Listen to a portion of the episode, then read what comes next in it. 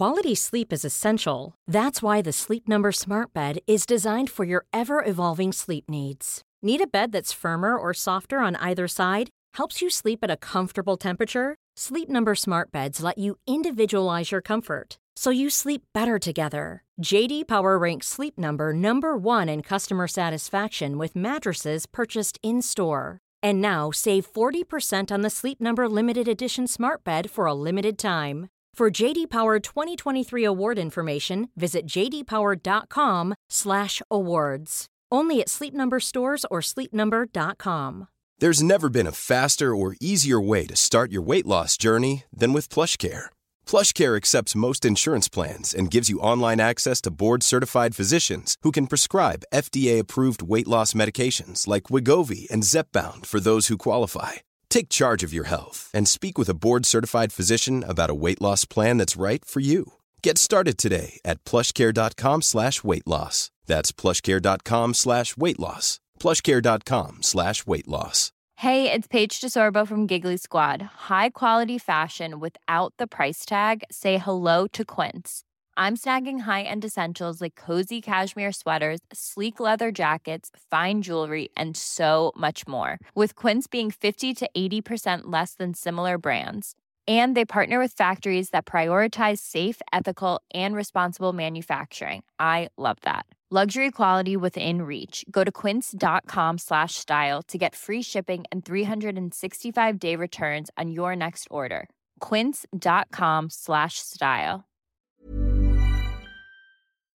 Det här är inte Axel! 138. Är det 138? Ja, men Axel, jag, jag vet inte ens om det är 138, men också jag sa jag ska gå och hämta godis. Ja, men gå och hämta godis då. Ja, men börja inte spela in då. Jo, men nu har vi bara, kan du inte bara gå och hämta godis Åh! Kan du sluta? Ja. Ja. Det är Så alltid jag- så här. Säg hej och välkommen till publiken medan Ja, berätta vad det är för datum och sådär. ja Det var idag är länge sedan det sist. Var det inte? Eller? måndag den 7 februari. Klockan är 20.59. Fan, tänk om Sanna hade satt mikrofonen på andra sidan. Så att den inte är riktad mot Tim. Det hade jag gjort. Så hade jag också gjort. Alltså jag är- blir så glad när jag ser att alla de här linjerna är jämna nu, Axel. För det är för första gången i vårt inspelningsliv. Men det är för att du är autist. Jag hade det är chips för, också, men det är, det är för att det är ju det här som är skillnaden med någon som har varit ett fyllo och ställt in sin mick, det vill säga du, som alltid haft det bara, bara flyger överallt. Och så ser man Sanna och jag som är timida och fina. Hallå? linjer. Nej, men jag tror att det där... eh, Mina är eh, pyttesmå jämfört med era. Mm. Kolla Ja. mina små bebislinjer. åh, jag avskyr er. Ja. Va? Mm. Ja, du har godis. Fan, nu vill jag också ha godis. Nej, jag vill inte ha godis. Fy fan vad äckligt. Mm. Men också, jag tränar väldigt mycket. Ja, du har lyft grisar hela dagen och sen har du gått och gjort kullerbyttor. Ja. Jag gjorde faktiskt kullerbytta där. Ja, jag vet. För du har precis börjat träna judo. Du kommer göra kullerbyttor en hel del framöver. Men jag, gjorde kullerbytta idag, jag gjorde inte kullerbytta förra gången. Nähä. Stretchade ni då? Ja. Nej. Vi kastar. Ja. Fick ni lära er kasta innan ni har lärt er göra kullerbyttor? Någon Ja. kommer slå ihjäl sig. Men jag tränar ju i en blandgrupp Jaha, okej. med nybörjare och avancerade. Det låter livsfarligt. Det är det, men det är jätteroligt. Jag tänkte säga blandgrupp mellan ja, Blandmissbrukargrupp. ja, blandmissbrukare och grisfarmare. De bara shit, kolla det här kastet. Jag flyger över hela mattan. De bara här varsågod, din tur. Jag bara ja, ja okej, du väger hundra pannor. Absolut, jag kastar dig. Men sen kastar jag dem fan. Det är jätteroligt. Jaha, jag har superskoj. Mm, och så du, bra. dricker du vin nu? Ja, På måndag? jag har ju precis tränat Hon är ju och ledig jag är imorgon. ledig imorgon. Ja, just det. Just det. Fan. Hon är ledig måndagen Ja. innan och efter hennes helg, precis som hennes kollega. Jag sa, jag sa det till, nej fast jag är ledig tisdagen innan och Nej, tisdagen blir det ja. tisdagen Just det, efter. det är måndag idag. Ja. Men så sa, så sa jag till min chef att jag måste hem. Jag måste hem för att jag måste dricka vin. Och så sa hon okej, men då slutar vi nu då. Och sen slutade vi så att jag kunde gå till system. Fy fan vad bra. Ja, jag hade en tuff helg. Ja, det låter, låter bra. Jag, fan, eh, jag hade inte en så tuff helg. Nej. Jag har lagat mat i min traktörpanna, det var toppen. Mm, blev det gott? Ja, det blev gott. Vegetarisk eh, pastagryta, typ. Ish. Eh, idag spelar vi också in med våra nya mickar. Mm. Eftersom min Blue Yeti hade den dåliga smaken att avlida. Så behövde vi alla byta till det här pisset. Så har vi, ja, nu har vi alla varsin. Shure MB7. Mm. Eh, och det förväntar Och mig... en, och en röd mickarm. ja. Så jag är inte lika impad, den är lite... Du, jag kan här. säga det, den här dumma jävla skiten jag köpte som jag, den Blue Yeti-micken, den kostar fan dubbelt så mycket som micken. Mhm. Från Toman, den där jävla... Ja, jag orkar inte ens prata om det. Och det är bara skit. Ja, men den här däremot, det är bra grejer. Ja, okej. det var trevligt. Kan, ehm, synd att du missade det Sanna. Och att det inte var sån gain i de här som det är i Blue Jättemicken. För då hade du nämligen för en stund sedan hört min yngsta komma ut skrikandes genom balkongdörren. Henrik, har du lyssnat på Brittas fitta eller? Hon har, Jag hon har upptäckt den idag. Så det, det är så kul att mina döttrar ska bli eparaggare. Det, det ser jag fram emot. De mår, mår alldeles super över det här. Fy fan alltså. Alltså när jag, när jag växte upp så var liksom epa det töntigaste som fanns. Alltså körde Mm. du epa så var det ju, ja, du kan lika gärna ta livet av det nu. Så Mm. var det när jag växte upp. Nu, Mm. alla ska ha epa. Mm, Dina döttrar ska ha epa, Tims lillasyster ska ha epa. Ja. Jag jobbar med folk som, så här, kommer praktikanter som kör epa och grejer. Jag fattar Ja, ingenting. jag ska berätta en sak för dig. Förr i Mm. tiden då kostade en epa ett, eh, ett ciggpaket och ett ligg. Ja. Eh, det, det var liksom var, var, det var going rate på en epa som liksom så här, ena däcket höll på att ramla av. Det hade dött tre barn i den sedan tidigare. Så det var någon typ av spöke som levde kvar där i. Och den där epan liksom vandrade hela stan runt från, eh, från liksom nyf ja, nyfylld kanske 17-åring till en nyfylld 15-åring. Drog man spärren så gick den i 800 km i timmen. Eh, och liksom så här, ja, allt var, liksom, det var bara en enda stor säkerhetsrisk. Men, men liksom, våra morsor stod och rökte under fläkten. Det är liksom, cancer var liksom inte en grej för dem. Det var, inte, det- det var bara en befrielse. Nu kostar en epa, nu kostar en epa 120 000. Mm. Det kan man ju få en Och, då är, och, så, bil för. så kallar man inte, då- och det heter inte epa längre för då är det en moppebil. Och så är det en AC. Då är det Det är väl skillnad på moppebilar och tio gånger så dyr som min första bil. Hallå? Det, då har det, Det blivit lite av en statsgrej. och epa. Ja, men det är också så här, det kommer någon jävla snorunge, bränner förbi, men det är som så här, epareggad Dodge, skitstor motor. Ja. Och man bara, jag vet inte, det- den där är nog dyrare än min touchscreen. Garanterat. Garanterat. Ja. Så att det, det har hänt grejer på EPA-fronten. Och väldigt mycket bortskämda barn. Så bortskämda ska inte mina få bli. Nej, de ska få se. en sån epa du inte betalar mer jag jag ska leta upp den där ligg. epan på någon skrot som de ska få sitta och köra runt i. Skämmas som alla andra. Här får ni. Lycka till, ha så kul om. Det är så det, nu bor vi på landet, vill ni ta er någonstans så får ni börja skämmas för det. Ja, men det är lång tid tills dina döttrar är epa-ålder. Ja, ska förbereda dem. Eller, de har ju uppenbart börjat förbereda sig själva när de kommer ut och skriker att de har lyssnat på Brittas fitta. Mm. Jo. Åtta år gamla. Brittas det är en ny sossanmälan. Kom för ni titta. Ja. Två, två. Och så Emelie bara, har du hört den här förut? Bara, Snälla, Har, Emily har jag levt? Vad sa du? Men Jag trodde alla kunde Brittas fitta utan Ja, det trodde jag också. Det ska du ha klart för. Men så kommer vi från landet också. Axel Jag känner här. inte igen det här kan jag säga. Nej men snälla! ett, ett, kuken som ett spett. Nej. Ut i Brittas fitta. Nej, nej okej. Nej, v- vem är det som har gjort den? Någon som har tillgång till Brittas fitta antar jag. Ja. Nej, vi lyssnade på Onkel Konkel och kristet Ja. utseende när jag var barn. Ja. Det är det närmaste den här typen av kultur.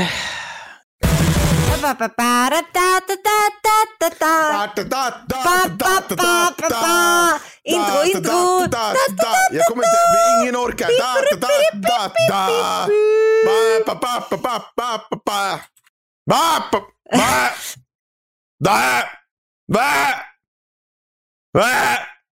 Det var introt. Jag skulle vilja prata om Oj gud, nu. kommer det åsikter. Eh, Låt mig gissa, är det Navid Modiri du pratar om? Du, alltså den här jävla apan. Jag är så trött Nej, på men honom. inte, inte så fula ord nu Axel, nu börjar vi inte där. Nej, men vi tonar ner, vi bygger upp tonläget istället. Vi börjar inte bakvänt. Nu, nu kör vi lugnt, vi har ju Nej, berättat, alltså, ett inte nytt ens, jag är år. inte ens upprörd. Nej, okej. Eh, Inte alls. Du, jag är rasande. Ja, ja, jag har aldrig hört så många kön, eller jag har inte hört så, så här många könsord på hela förra året som det var innan du gick in här. Jo, men det är för Hela alltså, chatten hela dagen fylld med hur mycket du hatar kunde- Navid Modiri. ja, men det är så... Börja från Han är början. onödig. Vad var det onödig. Navid la upp som gjorde dig så här arg nu senast? Åh, gud. Vänta, jag ska se. För han la upp någonting på Facebook, eller hur? Ja, I Gruppen för... men det eh, är ju det här, Vad fan hans den här heter. jävla Joe Rogan alltså. Mm. Om, om det bara kunde vara så, om det kunde vara så att folk bara kunde ha liksom vettiga manliga förebilder i sitt liv. Inte en liksom 55-årig pundare som tar steroider. En normal person. Men det här, eh, jag, jag, på grund av den här tråden som Navid skrev tidigare idag så har jag också pratat med en kille i 50 minuter idag. Ja, men jag ville ju komma dit, men jag tänkte du kunde få berätta historien från början så att Ja, men vi tar det här från med. början. Vi vet ju vad som har Kommer, hänt. kommer, kommer våra lyssnare få det som någon typ av Patreon-exklusivt content? Den finns redan på Patreon, så de Ja, har kanske redan hört det. Du har inte ens klippt det? Nej, jag skiter i det, bara rakt ut. Ja. Men det var för att, ah, på grund av anledningar så var jag tvungen att göra. Vi kunde inte spela in med Zencast för han hade inga fungerande hörlurar. Right. Perfekt. Så då fick vi göra med eh, Google Hangouts, eller vad fan det heter. Någonting som klarar av att när datan tar upp ljud så filtrerar den det som går ut, så att det inte är skitsamma. Ja, Prata okej. inte mer om det. Men David skrev så här för 12 timmar sedan. Det här är då gällande Joe Rogan och den här, den här storande... Ni vet att demokratin är död och yttrandefriheten fattas oss nu när Joe Rogan, som för ynka 100 miljoner dollar skrev på ett exklusivt avtal med Spotify om att bara distribuera hans framtida avsnitt av den där ruttna podden och alla tidigare avsnitt. Nu har Spotify tagit bort 70 av drygt 100, 1500 avsnitt. Eh, det, finns en, det finns någon dum jävel har gjort en sida där han kollar spot mot Spotify varje minut eller någonting och ser ifall det fattas Joe Rogan-avsnitt. Förstår ni att lägga den typen av tid? Ja. Ja, alltså, ja. och varför? Ja, jag orkar inte ens. Men anledningen till det här är ju då dels att eh, det, det springer runt en massa folk hos Joe Rogan som säger saker. Och det de säger, det har ingen bäring på verkligheten.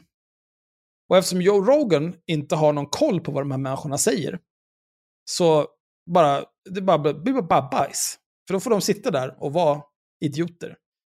Senast är det väl Dr. Robert Malone som är, eh, av, av de som är av vaccinskeptiker, de gillar gärna att hänvisa till honom som att han är en person som har forskat och, eh, på- på vaccin och att han äger patent som rör till mRNA-vaccinen, som är de här nya fräsiga vaccinerna vi tar. Mm. Problemet är ju liksom att den forskning han har gjort, det var, den är typ från 87. Supercurrent med andra ord. ja, det är inte jätterelevant och liksom så här, det, det, ja visst du har ett patent, men liksom, det spelar ingen roll. Han är inte en auktoritet på liksom, hur de här vaccinen fungerar. Utan han är en galning. Och då när han sitter och drar allt sitt dravel om hur det är med de här vaccinen och alla konspirationsteorier och all sån skit. Då kan man antingen säga ja, wow, precis så är det. Eller så kan man säga så här, vet du vad? Det finns superstor konsensus kring att så här är det inte. Det är lite grann som med klimatforskning, när någon säger så här, nej men det händer absolut inte. Nej men vet du vad? Superstor konsensus om att du har fel. Det är bara att acceptera. Sen har ju Jordan B. Peterson, apropå klimatet, varit där också. Han är ju psykolog, men han valde ändå att glappa med käften om klimat. Mm. Eh, och sa till exempel att när man gör de här klimatmodellerna, dels så, så här, vad är klimat? Ja, klimat är ju allt, men du kan inte modellera allt. Så då stämmer inte de här modellerna. Och sen sa han, ja, men ju längre du prognostiserar med de här modellerna, desto mer felmarginal får du. Och det stämmer inte heller. Däremot så är det så, har jag lärt mig när jag har googlat lite kring det här så har jag lärt mig att ju längre du prognostiserar väder, desto mer osäkert blir det. Ja, det kan man ju gissa. 14-dagarsprognosen stämmer fan aldrig, men prognosen för imorgon ah, brukar vara okej. Men klimat, då är det inte så. För de gör på ett helt annat sätt. Och då kan man ju läsa till exempel en artikel i The Guardian, där flertalet eh, professorer och annat som faktiskt forskar på klimat säger så här, vet du vad? Det här var det dummaste jag hört. Den här personen kan ingenting om det här. I alla fall, eh, Spotify har fått lite kritik för att de inte gör någonting för att stävja den här syndafloden av dum skit som kommer från Joe Rogans podcast. Joe Rogan har fått lite kritik för att han inte gör någonting och sen har det någon som har gjort en jävla supercut på alla gånger han har sagt nigger i olika sammanhang. Eh, och jag har lite svårt att förstå vad poängen med det ska vara, men eh, just det ordet är ju väldigt infekterat i en amerikansk kontext. Och även om Joe Rogan försökte ursäkta sig med att så här, ja, men jag tänkte att eh, jag är ju inte rasist, men eh, bla bla bla. Men det är så här, jag, jag, vi har ju pratat om kontext och intention 48 miljoner gånger. Jag skiter i om han har sagt det eh, 10 miljoner gånger. Eh, så här, jag är helt för att kontext och intention är en grej, precis som han också pratade om lite grann där också. Men han sa också att eh, if you're ever in a position where you have to say I'm not a racist, but you've already fucked up. Så han inser ju att det där kanske inte var så jävla bra. Och det är klart, eh, då får han ju äta bajs. Men Joe Rogan är ganska liksom sansad i allt det här. De som är mest efterblivna och som har de absolut sämsta takesen är Navid Modiri och hans fanboys och den typen av så här yttrandefrihetsfundamentalister som ingenting begriper i den här världen för att de är så jävla, jävla dumma i huvudet. Och det, det har varit en stor sorg för mig det här. De håller bara också... på att vitknäckta Joe Rogan, är det som händer eller? Nej, jag sitter här och försöker förklara för folk att liksom... Jag kan, jag ska bara, jag kan läsa lite snabbt här bara, ja. när vi har skrivit här. Ett intressant fenomen i diskussionerna kring Joe Rogan som också dyker upp i andra sammanhang när det handlar om något kontroversiellt som har hänt är att människor har väldigt starka åsikter om något som de inte har så bra koll på. Oavsett om det är ett avsnitt av Joe Rogans podd, en ny digital tjänst eller en fysisk person så betyder vikten av erfarenhet någonting. I fallet Rogan så är det många människor som säger eller skriver saker som jag har inte lyssnat själv, men jag tycker verkligen att det är hemskt. 100% ingen som säger så. Nej, jag, har inte sett, jag, jag såg det också, jag har inte sett någon skriva sånt. Nej, men någonstans. vem skulle säga det? Alltså det är så jävla dumt. I de flesta fallen så är det människor som lyssnat på någon annan, som har läst en svensk journalist, som har citerat en amerikansk journalist, som har lyssnat på ett klipp där Rogan eller någon annan säger något taget ur sin kontext som låter hemskt. Så det är alltså, du har, du har pratat med någon som har läst av någonting av någon, som har läst någonting annat av någon, som har hört ett klipp där allting är taget ur sin kontext. Så det är alltså fyra steg av idioti. Mm. Som de flesta som har åsikter hade. Fuck you! Det finns inte en chans. Det är lite som att prata om hur hemsk eller fantastisk en plats är när du bara har fått vykort från en kompis som har varit på den platsen. Mallorca är, vid är vidrigt, hemsk plats. Har du varit där? Nej, jag har en kompis som var där och skickade bilder och jag fattade direkt att jag inte gillade det. Det här handlar varken om Joe Rogan eller om Mallorca, utan om ett större fenomen. Jag förstår också att det är svårt att ta del av all information hela tiden. Vi har inte möjlighet att göra det. Vi har liv att leva och jobb att utföra och barn att ta hand om. Men då ska vi också vara lite mer ödmjuka och försiktiga med hur tvärsäkert vi uttalar oss om saker vi inte har erfarenhet och kunskap om. What? Vad är Joe Rogans hela grej? Han har ju fan 100 miljoner dollar för att sitta och prata om saker han inte vet någonting om. För det är ju någonting de här jävla människorna tar upp hela tiden också som ett försvar. Nej men han är, han är inte en journalist, han behöver inte ställa några frågor. Han är bara en komiker vet du. Han sitter bara där som en liksom hårlös apa. Och vet ingenting, kan ingenting. Nej, men han kan inte ta något ansvar för någonting. 100 miljoner dollar, 200 miljoner spelningar i månaden. Nej, det måste få vara så här. Alex Jones måste få komma dit och berätta om hur vattnet gör frågorna, grodjävlarna till bögar. Robert Malone måste få komma dit och sprida konspirationsteorier om vaccin när vi är fan i andra året av den här fittan till pandemi som aldrig tar slut för att folk inte klarar av att göra ens de enklaste jävla grejerna som att tvätta händerna. och en psykolog som liksom Ja, nej, men nu, nu är jag så beroende av bensodiazepiner så att jag bara ramlar ihop och måste få någon slags experimentell vård i Ryssland. Och sen kommer jag tillbaka med min usla dotter som gör en värdelös podcast och nu äter vi bara kött. Och nu ska jag sitta och berätta om hur klimatmodeller fungerar. Varför då? men, men det måste få vara så här. För att annars är yttrandefriheten död och vi har ingen demokrati. Nej, men Ja. det... Nej. nej. Men nej alltså, men vet du vad? USA är det värsta landet som någonsin har funnits. Men Absolut. den här Jag börjar undra om inte. Joe Rogan är det värsta som har hänt mig. Alltså. Han har inte gjort mig någonting personligt, jag tycker inte ens illa om honom. Men det är bara liksom den effekt han har på min tillvaro är så jävla bedrövlig. Alltså, jag, jag, tycker in, jag har ju försökt att lyssna på honom några gånger. ehm, för Det att, är inte bra. alltså, eh, det, det, det, jag har varit med om att det har varit intressant, men det är för att gästen är duktig på någonting. Och då blir det ju, då, då, är det, ju- då är det inte Joe Rogan, då är det bara att Joe Rogan har fått dit den här personen och den personen sitter och babblar om olika typer av saker. Eh, hur han är som verkligen får folk att prata. Alltså, jag tror inte att det, han är ju inte någon mästare mot någon annan. Det stora problemet är ju att han sitter ju bara där och nickar med. Det blir ju bara en, en ytterligare en person som när Navid sitter med Ingrid Carlqvist eller någon annan. Så, ja, men Ernst Robot eller någon så, så bara sitter och drar ur sig svammel. Och så finns det liksom ingen skav i det hela.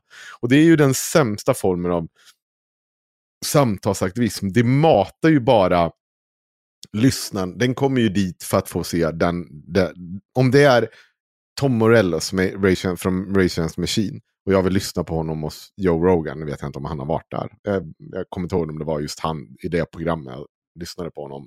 Men så, här, så blir jag matad med det jag vill höra av Tom Morello eller vad, vad fan det nu Ja, är. men du, vet du vad?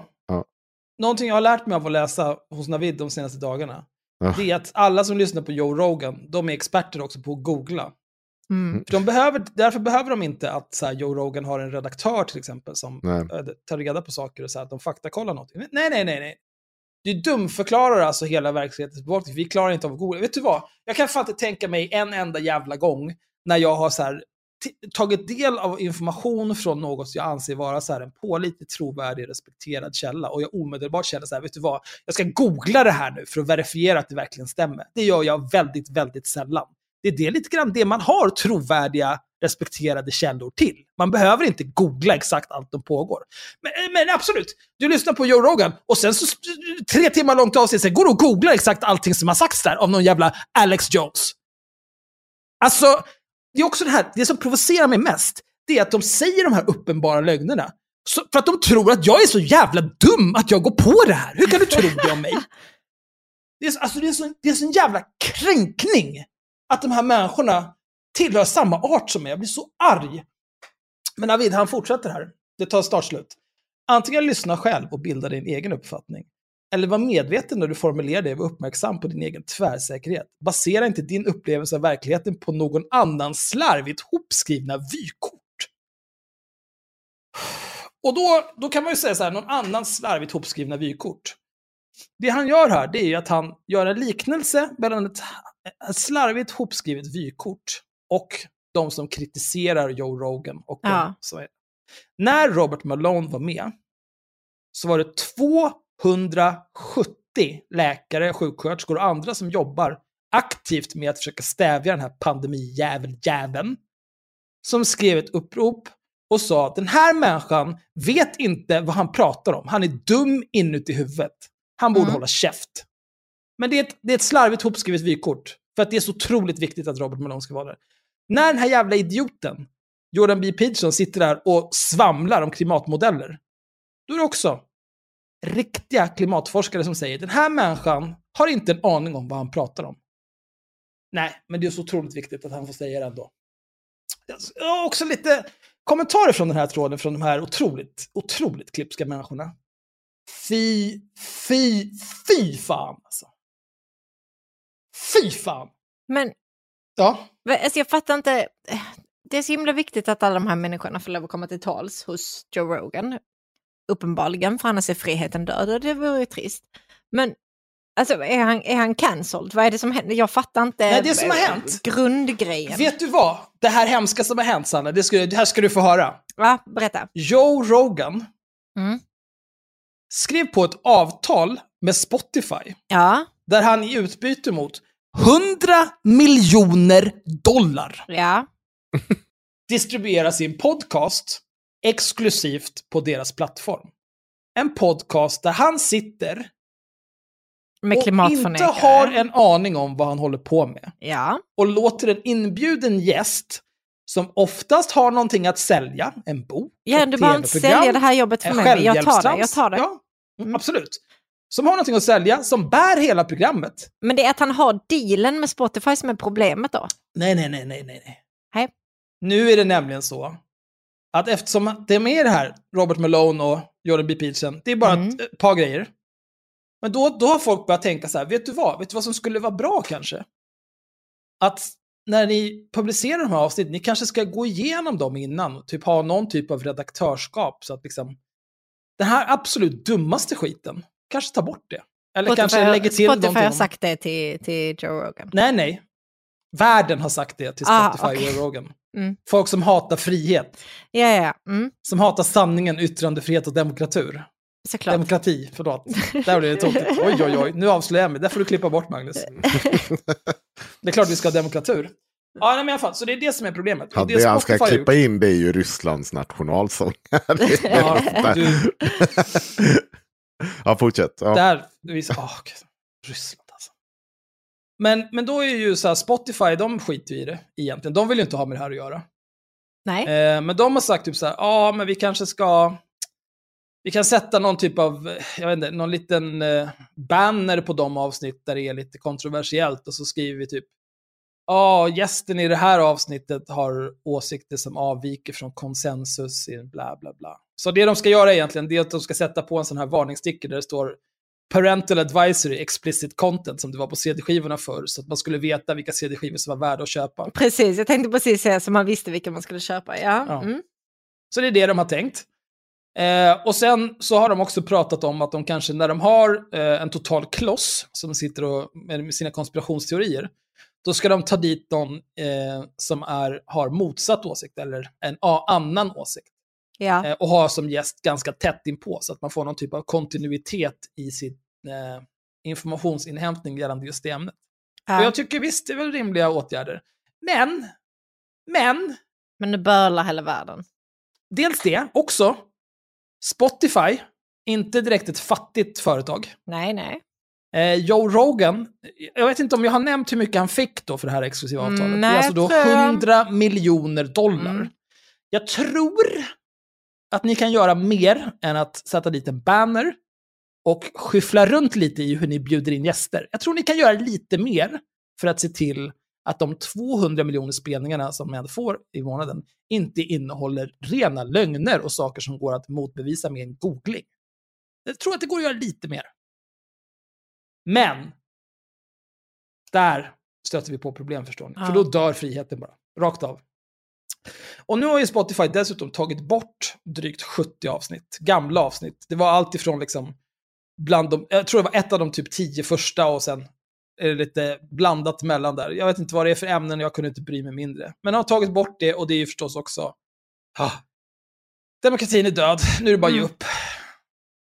Eh, Joe Rogan verkar vara ganska obrydd, men såklart, Navid Modiri och andra frihetskämpar, eh, de kämpar på. Här har vi till exempel Ronny, skriver så här som svar på Navids lilla text där.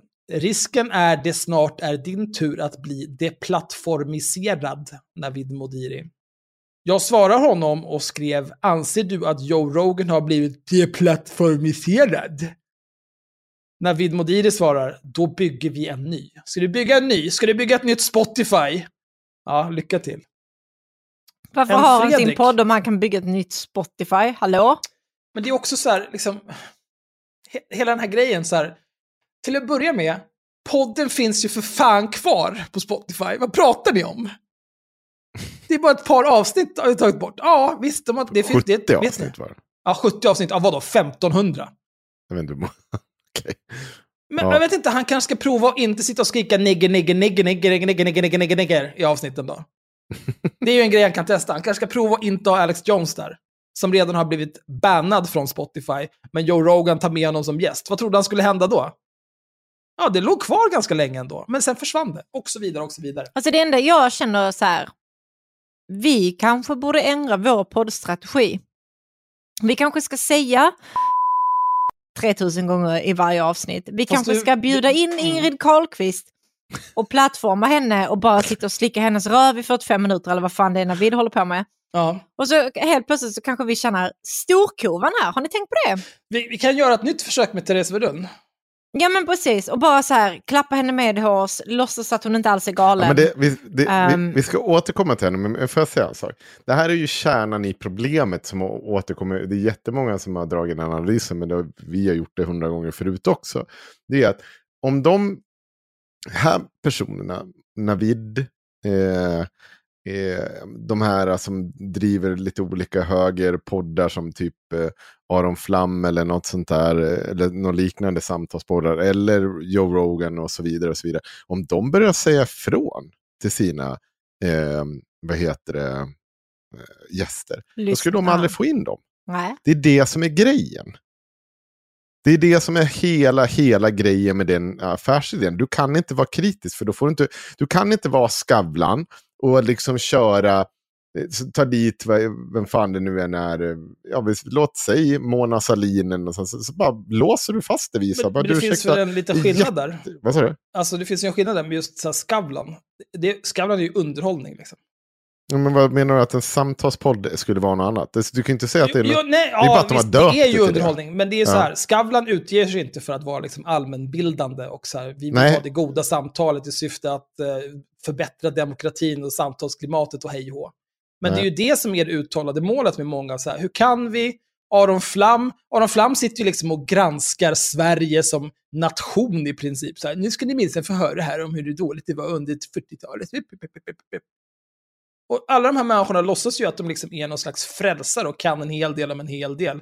Och de kan det, och de gör allt det här genom att gå genom livet som vandrande neutrum, helt utan åsikter eller värderingar om någonting, utan allting är precis lika jävla bra och allting ska höras precis lika mycket.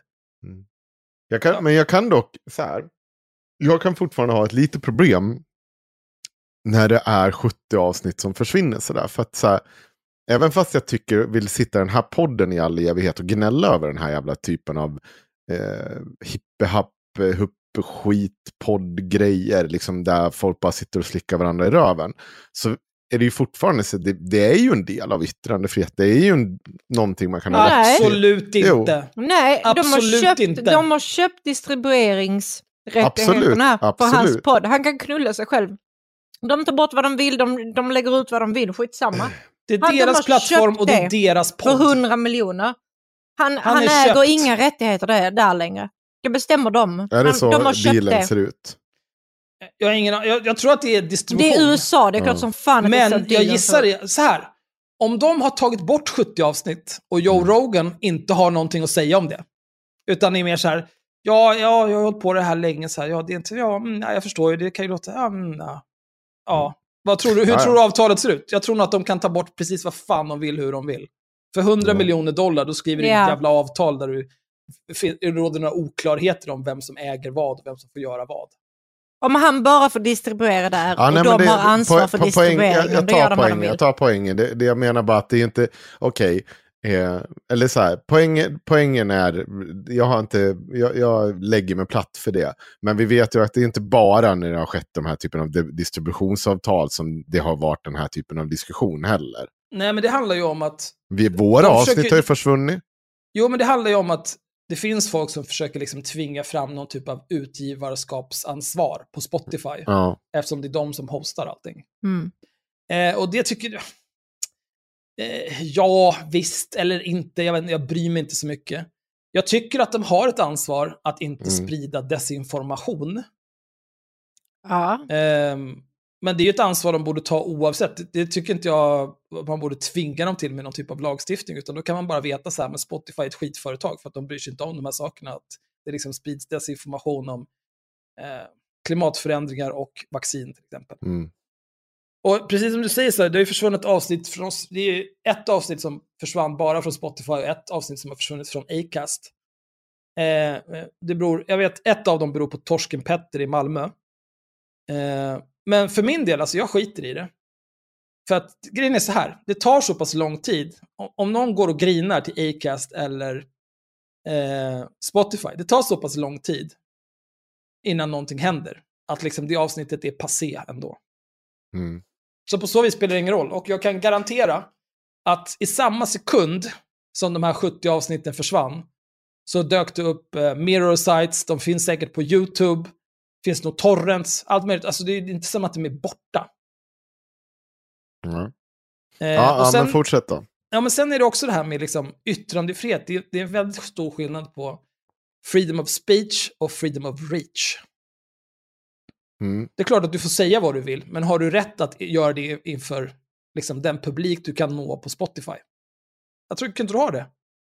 Ja, men jag tycker om man ska ha den här diskussionen, det, det som kan göra det jävligt, eh, jag tycker att de här reglerna och det här, det, det ska ju någonstans sättas upp före, innan, så det inte råder några jävla oklarheter Mm. i frågan. Men det är ju Spotifys fel. Ja. Och det innebär ju också att om, om du alltså ska, då, då ska du också kunna så här, våga distribuera den här skiten om du inte liksom kliver över gräns. För att, eh, och, och det mesta löses ju bara med om folk var lite mer liksom uppmärksam, upp, uppmuntrade till att ja, nu har du sett att liksom runka med den här för 87 gången. Om du, har du testat att inte göra det ska jag sluta lyssna på den här skiten. Liksom börja supporta folk som faktiskt ställer kritiska frågor. För det är ju så här, det, är ju det råder ju inte brist på eh, duktiga liksom, samtals... Eh, amen, forum som har funnits genom historien, det kanske har funnits i tv-shower eller annat, där den som faktiskt sitter ner och pratar med de människorna också är, är extremt kritisk. Eller liksom ha, tar dit weirdos som den liksom säger emot. Men också som blir så pass duktiga på det att det blir svårt att sitta där och gagga och tacka nej när man får en inbjudan om det ska vara någonting, komma någonstans. Då måste du kanske, det blir lite ett lackmustest. Är du värd att lyssna på? Då ska du ta dig igenom och våga sitta med, ner med en faktisk kritiker också. För det fan det betyder ingenting att sitta ner med Joe Rogan. Alltså, jag, jag har bara sett klipp av Joe Rogan kan jag villigt erkänna. Men det är för att jag tror inte på det här med Navids, eh, att man måste ha förstahandserfarenhet av allting. Men jag har sett honom säga emot vissa grejer. Alltså han har ju ändå åsikter. Men det är Mm. inte som att det är liksom... Det jag har sett, då är det så här, det slutar alltid med Jamie, pull that up for me. Så får den där stackars Google-apan Jamie googla. Ja. Och liksom, men eh, som svar på det här Navid skrev. Gud, fan vad deppigt för er som har lyssnat på mitt samtal med Erik innan det här, där jag läser upp exakt det här. Men det är ju om du är Patreon. Det är om du är Patreon, ja. Ja. Plus att då får du höra, det, det är ju bara några minuter. Sen pratade vi ju ytterligare 50 minuter om det här. Mm. Vad bra, det är inte deppigt om man är...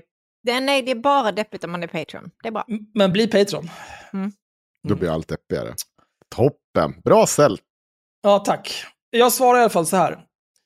Att den rapportering som de flesta svenskar tar del av kring Joe Rogan kommer från en svensk journalist som citerar en amerikansk kollega som tagit citatet ur sin kontext. Vad har du för belägg för det? Kan du ge tre exempel på texter publicerade i Sverige om det här där detta händelseförlopp går att påvisa? Mm. Angående det här med att man måste vara sin egen förstahandskälla till allt. Du fattar väl själv att det blir absurt? Jag har inte läst Mein Kampf, men jag vet att den innehåller Hitlers antisemitiska konspirationsteorier och fria fantasier om hur han skulle ta över världen. Eller vet jag egentligen det? Jag har ju faktiskt inte läst den själv. Och om jag läser den, måste jag inte också då läsa den på tyska? Översättaren kan ju ha förvanskat Hitlers budskap. Faktum är att det inte ens räcker att läsa den på originalspråk, för hur ska jag kunna veta att detta faktiskt var vad Hitler skrev? Nej, jag måste ju givetvis resa tillbaka i tiden och dela cell med Hitler under den period då han skrev Mein Kampf och övertyga honom om att lä- låta mig läsa första utkastet. Först då kan jag vara säker på att få en rättvisande bild av innehållet. Jag ser fram emot att få läsa korkade kommentarer om att jag jämför Joe Rogan med Hitler från folk som tror att de är skitsmarta men som inte har förmåga att fokusera länge nog för att läsa hela vägen hit. Och då, de här jävla människorna alltså. Ett av de tydligaste beläggen är att flera svenska journalister, det här är alltså Navid som svarar nu, Mm. ett av de tydligaste beläggen är att flera svenska journalister helt okritiskt fortsätter att använda begreppet desinformation utan att kolla upp skillnaden mellan desinformation och missinformation. Och som jag skriver i texten, om du väljer att läsa den och inte misstolka mig, är det att jag förstår att det är väldigt svårt och tidskrävande att vara sin egen förstahandskälla till allting. Till att börja med, det enda som... Missinformation är inte ett ord på svenska. Det existerar inte. Vi börjar med det. Desinformation på engelska. Jag kan, jag kan läsa lite till här bara. Eh, Jävla äckel. Jävla äckel. Alltså, men också ni som lyssnar på det här måste förstå att de senaste dagarna så har hela vår chatt bara fyllts av hur mycket Axel hatar det här. Han är så jävla upprörd över detta. Ja, men det, det, ska inte, det ska inte behöva vara på det här viset. Nej, jag vet Axel. Vi lider med det. Det ska verkligen inte behöva vara så här. Jag svarar Navid. Kan du ge tre exempel på svenska journalister som citerar amerikanska journalister som tagit Joe Rogans uttalanden ur kontext? Det här är en viktig sak att göra när man pratar med den här typen av människor. När man pratar med den här typen av jävla ormar som aldrig svarar på en fråga. Ställ frågan igen. Fortsätt ställa frågan tills de slutar svara. För vet du vad som har hänt då? Då har du vunnit. Då ser alla för evig tid, den här jävla ormen svarade inte på frågan. Att du förstår att det är väldigt svårt och tidskrävande att vara sin egen förstahandskälla vad gäller allt betyder ingenting när du samtidigt avfärdar kritik just för att den kommer från någon som inte har förstahandsinformation om vad hen kritiserar. Antingen är det okej okay att använda sig av andra källor än sina egna ögon och öron, eller så är det inte det. Om du nu inser att det är omöjligt att vara sin egen förstahandskälla till allt, varför använder du det som argument för att avfärda dina meningsmotståndare? Vad anser du att skillnaden på disinformation och misinformation har för betydelse här? Saknar Joe Rogan och Spotify ansvar för vad som sprids på deras respektive plattformar om spridningen sker oavsiktligt? Har jag fått ett svar? Nej, det har du inte. Nej, det har jag inte. Istället så skrev Erik till mig. Eh, Erik var, jag, kan, jag pratade med Erik i 52 minuter, det var ganska trevligt faktiskt. Han är, han är en trevlig person. Men när jag läste det här svaret alltså, då höll, jag på att skicka dö. hela mitt jävla rum ut genom fönstret. Han skriver så här, Axel Öhman. Jag ser vart du missar viktiga poänger. Och de går inte att reda ut i ett kommentarsfält. Jag skulle gärna ta ett samtal med dig någon dag så kommer vi nå förståelse på cirka 20 minuter. Vad i helvete sa du om mig? ja, då skrev jag... Eh, eh, vet du vad? Jag är tillgänglig nu fram till klockan nio, så vi kan ta det när du vill. Det blir i så fall via Zencaster, så jag får valuta för min tid och kan släppa samtalet som Patreon-exklusivt avsnitt för haveristerna. Han föreslår klockan 18, skicka länk på PM, jag skickar länk på PM, vi körde.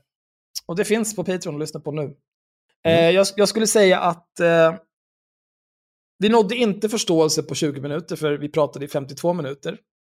Eh, och jag kan också meddela, för er som kanske... En liten spoiler, jag har inte ändrat åsikt om en enda jävla grej efter det samtalet. har han? Nej, det tror jag inte. Nej. Men jag menar...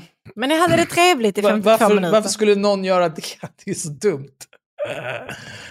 Ja, och så fortsätter det här. Det är så himla dumt. Men det här med, just det, det här med att han skulle bli deplattformiserad och att de ska bygga en ny.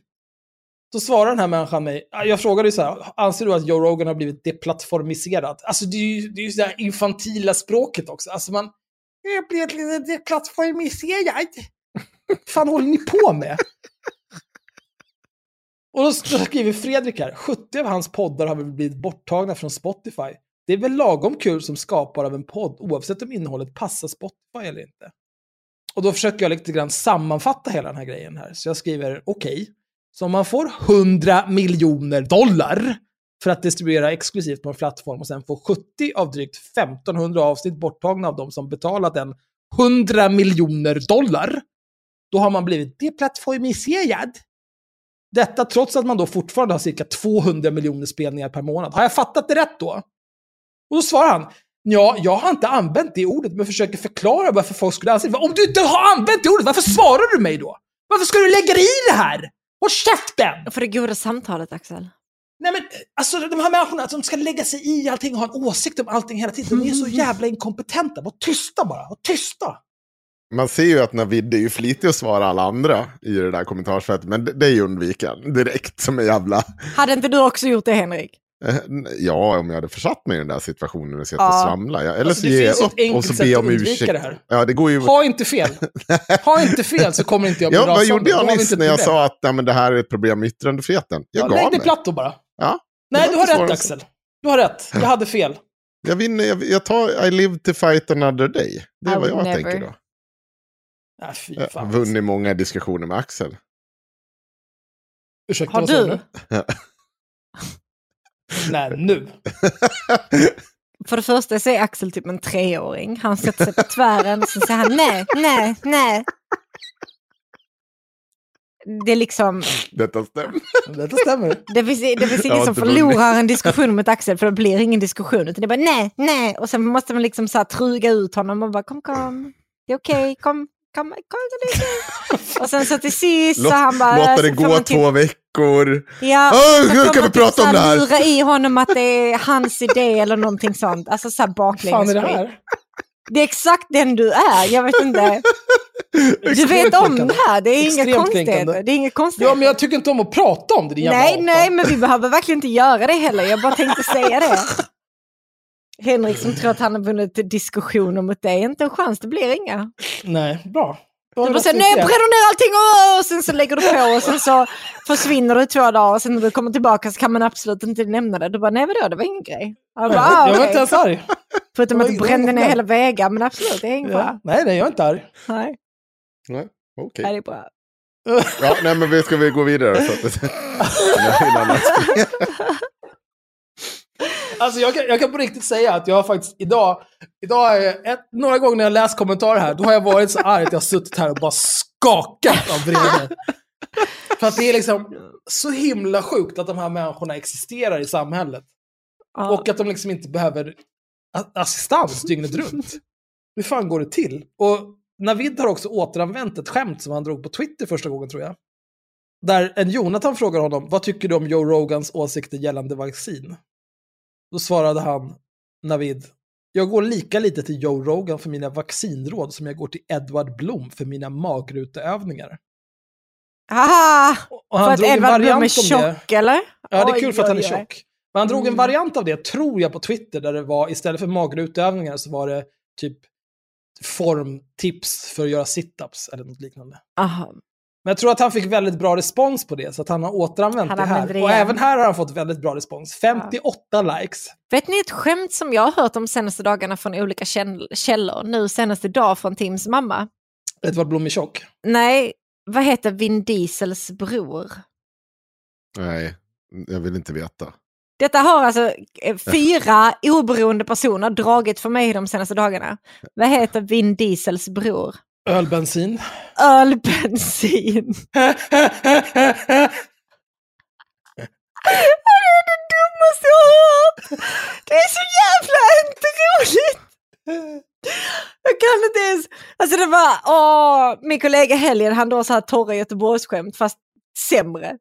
Och han bara åh, satt så här och typ, han är liksom en vuxen man på 55 bast eller någonting. Och han satt liksom så här och han kunde nästan inte hålla i sig. Han kunde hosta, gråta, skratta samtidigt. Han bara åh, och sen var han tvungen att liksom berätta det här skämtet då. Och så var det punchlinen öl, bensin. Och jag bara nej, nej nu går jag hem. Nej jag kan inte. Det räcker. Gillar du inte det. Henrik? Mm. Det är jätteroligt. var det verkligen. Ja. Jag mår superbra nu. Det är fan det värsta skämtet som någonsin har berättats tror jag. Ja. Nog, ja. Det är också, det är också, det är också så här, jag känner, jag känner att jag vill ha, eh, om, om Joe Rogans podcast ska liksom ha en så här varningstriangel på Spotify, jag vill också ha en varningstriangel på Facebook.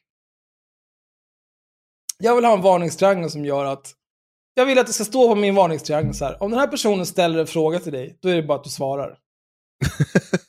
och så vill jag också att det ska stå så här, du ska inte tro att du kan komma och mopsa dig med den här personen och säga Vet du vad, vi kan reda ut det här på ett samtal, för då kommer det bli MVN dirr.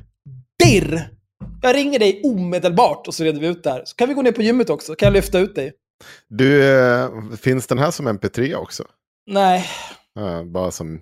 Ja. Men Okej. också, finns, finns på YouTube. det hade, du hade kunnat ha varningstriangeln på Facebook och eh, sen att liksom catchen var att alla var tvungna så att trycka visa ändå på dina kommentarer och inlägg och så vidare. Men du kunde aldrig bli bannad. Mm. Vet en annan sak som skulle vara bra, Nej. det var att eh, om jag kunde få en sån här Axel, Emma vill svara på din kommentar. Och så får de klicka ja. Och om de klickar ja, då är det no holds bar. Då finns det inga gränser. Ja, Då hade blir det inget rapportera den här kommentaren. Absolut inte. Du har valt det här. Det var det här du ville. Du trodde att du typ var duktig, frikort. men du är inte. Du är inte. Du är inte. ja. Men han var trevlig, Erik, som jag pratade med ändå. Men han, jag tror att han lärde sig en läxa. Jag hoppas det. Jag har faktiskt lyssnat på, eh, jag har varit och lyssnat på en hel föreläsning med Nina Rung. Känner hon igen dig? Ja, ah, jag hade inte video, eh, den här. och så döpte jag omedelbart om mig från Henko till Henrik bara. För att det inte skulle bli något. Jag vill inte liksom åka ut det första jag gjorde. Eh, själva föreläsningen i stort, det är, eh, det är ju Nina Rung som drar en olika typer av studier. Som hon, ni, ni vet ju det här. Det hon har ju en studie för allt. Sen när de här studierna har någonting med varandra att göra eller om det finns någon direkt bäring på verkligheten, det kan man ha åsikter om. Jag tänker inte gå igenom allt som sades i den här eh, intervjun. En, men en detalj var ju kul att de återkom till och det var ju det här att kollar du på porrbyrå pedofil. Det fanns det nog tydligen någon studie som visade.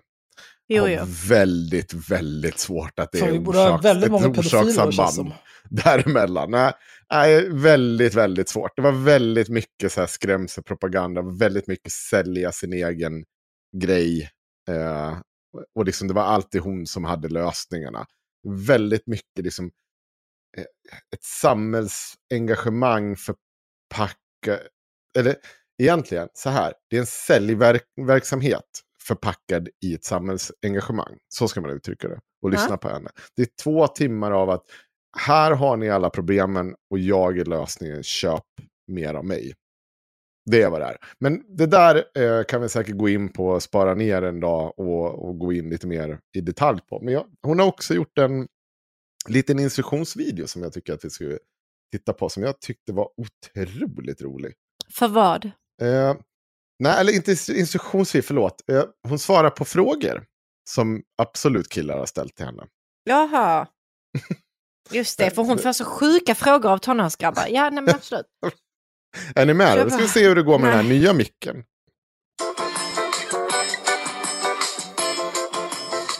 Första frågan. Hej Nina! Jag såg en snygg kändis på tv som jag ville ligga med, så jag mejlade en dickpic. Var det olagligt? Ja, det var det. Det finns ingenting som säger att hon vill ha en bild på din kuk eller någon annans bara för att hon är med i tv. Brottet kallas sexuellt ofredande. Man kan faktiskt få mellan böter och två års fängelse när det gäller den typen av brott. Alltså, det hon säger är väldigt rimligt. Skicka inte dickpics till folk bara helt willy-nilly. Men det där har aldrig hänt. Alltså dels eh, sa han inte, jag såg en kändis på tv Ja. som jag vill ligga med. Mm. Hur, hur vet Nina Rung att det är en hon? Det är väldigt heteronormativt tycker jag. Eh, ja. Ka- Ja, men kanske kan, väl lika frågan gärna, var... han kan väl lika gärna skickat en dickpic till en kille? Ja, men Ja, kanske vi- frågan var, jag såg eh, Carola Häggkvist. Nej, På TV. Jag, jag såg en kändis på tv hörde jag. Ja, men hon kanske har ändrat det för att skydda Carola. ja, ja, för att skydda personen som inte finns. Ja. Ja. Ja. Nu- Carola Nej, alltså det, det är så här, eh, jag, jag skulle kunna tro på det där om det var formulerat på ett annat sätt. Typ så här. Jag såg en kändis på tv som jag ville ligga med, så jag skickade en dickpic till hen. Eh, jag har inte fått något svar, vad beror det på? Eller så här, vad, vad ska jag tänka på? Eller någonting sånt. Inte så här, va, varför skulle du göra någonting och sen Ja, höra av dig till någon annan bara, är det här olagligt? det är det dummaste jag hört. Det blir bättre. Ja, det är klart det blir. Jag chattade med en tjej på en dejtingapp. Vi hade inte pratat sexuellt innan, men jag tyckte att det var dags och skickade en dickpic. Men är det att prata sexuellt? Men de är ju så stageade de här frågorna. Jag vet inte ens, det här, är, det här är typ inte ens värt att vi pratar om det. Det är så uppenbart stageat. Vad ska vi Hon har, säga? hon har ett svar. Hon är ett full, fullkomligt seriöst svar. Ja, men gå vidare det kan då. det vara. Skicka inte en bild där du inte är säker på att samtycke finns. Så tänk på hennes känslor och inte bara på din pepp att hetta upp stämningen. Jag fick plötsligt en tuttbild av en tjej som jag legat med en gång. Jag skickade en dickpic tillbaka. Var det olagligt? Var det olagligt? Nu, nu, nu var det någon som hade fått en... Ja, det kan väl det väl ha varit. Ja, visst. Du skulle nog Nej, inte men, bli om, dömd jag för det. skickar, om jag skickar kuken till dig Henrik, det betyder ju inte per automatik att jag vill få kuken tillbaka, eller hur? Men du Nej. kommer inte bli dömd för det. Nej, nej, precis. Det, kan, det kommer ju dock börja diskutera. Men lyssna nu på hennes extremt kreativa svar här. Mm. Nu ska vi se. Ja, det kan vara olagligt. Det finns ju ingenting som säger att hon vill ha en bild på din erigerade kuk för att hon skickade en bild på sina bröst. Sen att vi sexualiserar kvinnors bröst och inte mäns bröst, det är en helt annan fråga. Men snälla! Aha. alltså jag, Alltså, hon det har... här med sexualiserade bröst. Ja, Absolut, det är en helt annan fråga Nina och vi kan ta den någon helt annan gång. Men eh, alltså, ja, Det, jag tror vilken att det jävla cop-out! Vilken Ja, jävla alltså- cop-out! jag tror att det blir svårt. Att så här, för det här är ju sånt konstigt så här. Här är alla, för det är uppenbart männen som är någon typ av infantila barn som hör av sig här. Ja, ja. Med superkonstiga frågor. Men så också så här, även när det är så, så här, jaha, va- varför hon skickat bilder på sina bröst? Är det, är det för att så här, ja men, jag trodde jag skickade till min kompis så skulle vi visa upp den här nya Mm. skitny... Alltså, eller, Men jag har en fått fråga till Nina. leverfläck här som jag tror jag har cancer i. Och då få en dickpic tillbaka, ja då, Det då kan det bli lite konstigt. Men, men hur, hur många sådana här är det kvar Henko? Ja, det är inte så många, det är, det är, en, det är två minuter. Men vi kan, Ja, okej, men- nej, men för men jag har en frågan- fråga till, nej, men för jag tänker så här, du har ändå lyssnat på hennes föreläsning och du har lyssnat Mm. på alla de här innan, så jag känner ändå att du är proffs på vad Nina skulle svara. Och jag har en fråga till Nina, Mm. så om vi lyssnar klart på de här, och sen Mm. får jag ställa min fråga till Nina och så svarar du Ja, som Nina. okej. Mm. Kära Nina. Jag skickade en dickpic till min man som jag varit gift med i 34 år. Var det olagligt? Där kom Förmodligen det, har du inte begått ett brott. Har ni varit gifta i 34 Det var inte år så helt finns det förhoppningsvis samtal och samtycke och också en sexuell relation. Men Ursäkta? för säkerhets skull, kolla att han faktiskt vill. skicka Alltså, till jag- en bild på sin kuk till mig så ringer jag polisen. Jag ringer polisen. Det är ju så himla konstigt och så här, om ni har varit ihop i 34 år. Alltså den personens partner har förmodligen sett hans kön mer än han själv har. Alltså att ens ta upp det är ju så Men kan vi jävla också vara dumt. ärliga, om man får en bild på en kuk efter man har varit gift i 34 år, då är det så här, Bryr man sig? har den fläcken alltid varit där? Det är liksom inte något sexigt, utan det är så här, oj shit, kolla, ska det, ska det, bra rinna, ska det vara sån flytning där? Alltså det, det, är någon, det är någon äcklig medicinsk emergency om det Mm. händer efter 34 år. Vi kan alla vara överens om det. Mm. Mm. Hej Lasse, som skickar skickar efter 34 år med sin fru. Skicka meddelande till Hur mår du Henrik? Jag hör inte ens vad han säger, för han fnissar så mycket.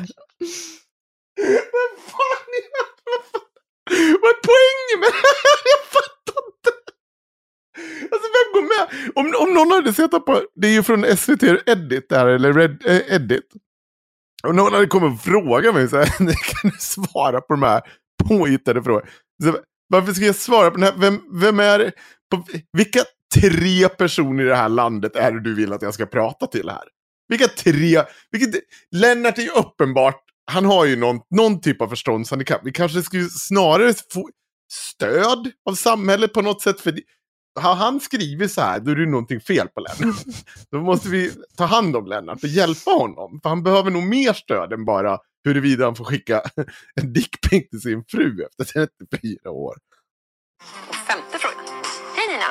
En tjej i min klass bad mig att skicka en bild på min kuk. Så då gjorde jag det. Var det olagligt? Förmodligen inte. Hon har bett om en bild och då finns det ett samtycke. Däremot så måste vi vara väldigt noga med åldrarna här. Är hon under 15 år så spelar det ingen roll om hon har bett om en bild eller inte. Det är ändå ett brott. Är det så att du är under 18 år och skickar en bild på din kuk till henne så kan faktiskt hon riskera att begå ett barnpornografibrott. Men har ni alla åldrarna inne, då är det bara att köpa. Så, det var den sista frågan. Då. Det är så himla enkelt att svara på sådana här frågor. Vad Är det barn? då, då? Gör det inte. Vad var det för fråga du hade då, Sanna? Jag har en fråga. Mm. Kära Nina. Mm. Jag har en vän som ständigt skickar lättklädda bilder i en gruppchatt jag är med i. Jag känner mig obekväm, liksom alla andra medverkande i chatten. Gör Henk och Johansson någonting olagligt?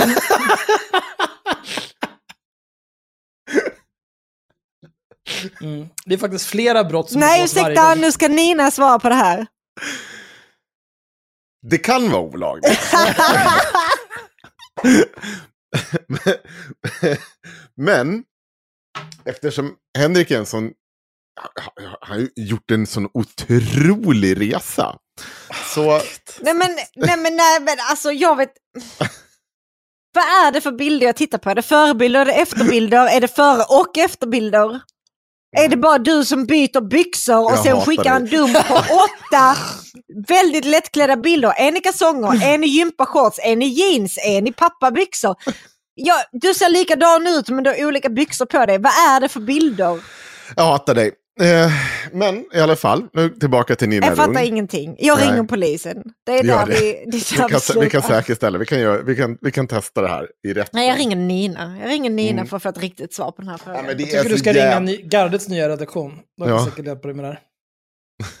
Ja, men jag tror att då behöver jag kapa kuken först innan de... Ja, Har det är väl då det går åt helvete för dig om du Ja. får göra det. Har de skrivit någonting annat än den där konstiga texten om transsexuella? Är det, var det den enda texten? Jag tror att det är det enda de har producerat. Ska vi kolla? Vänta. Sen de, vad var det? Gardes.nu? Gardets, ja, Gardets.nu är det. Vänta, jag ska bara kolla då. Ja. Eh, Hej, nu, välkomna nu till kör vi igen. Nu kör vi igen. Och vi har inte lyckats fixa den där jävla loggan som flyger upp i över allting. Och det enda vi har lyckats producera sen vi körde nya gardet från, vilken, vänta nu ska vi se, när var det? De körde igång nya gardet. Nya Gardet var typ i 6 oktober januari. Nej, nya gardet kom, lanseras 6 januari skrev man då. Och hittills det enda man har lyckats gjort är en jävla transfobiskt skit igen. Ja men grattis, vad bra det här gick. Jaha, du menar nya Gardet den här gången? Ja, den här gången. Förra gången så var det ju typ i oktober, november 2020. Nej, men det finns gardet, nya gardet och senaste gardet. Ja. Mm. Ja, för er som inte har hängt med så, eh, gardet Cissi Wallin har lämnat över det till några personer som inte nämns vid namn, men de Säkert. driver det, nya redaktionen. Mm. Eh, jag gissar, eh, Gisela Backlund var ju en del av den förra redaktionen. Jag Ja. tror att hon kan vara en del av den nuvarande också. Det är en ren spekulation från min sida. Det är ändå helt sjukt att du tror att redaktion, den nya redaktionen består av någon annan än Cissi Wallin. Men jag tror inte Cissi Wallin är med längre. Jag tror att hon har Mm. fått nog av det där. Jag tror att den består av bara Cissi Wallin. Oj. Som fick ett skov en kväll, gjorde det där och nu har hon tröttnat. Ja, så kan det vara. 100% Cissi, ingen annan, ingen annan vet någonting om någonting. Det är vad jag Ha- tror. Ja. Eh, vet du vad, en grej som vi har haft med några gånger. Som jag tycker att vi kan diskutera lite i förbifarten. Det är det här. Patrik Sjö, Sjöbergs pedojakt. Mm, just det, Det har gått bra den för dem. nu. sorgliga historien.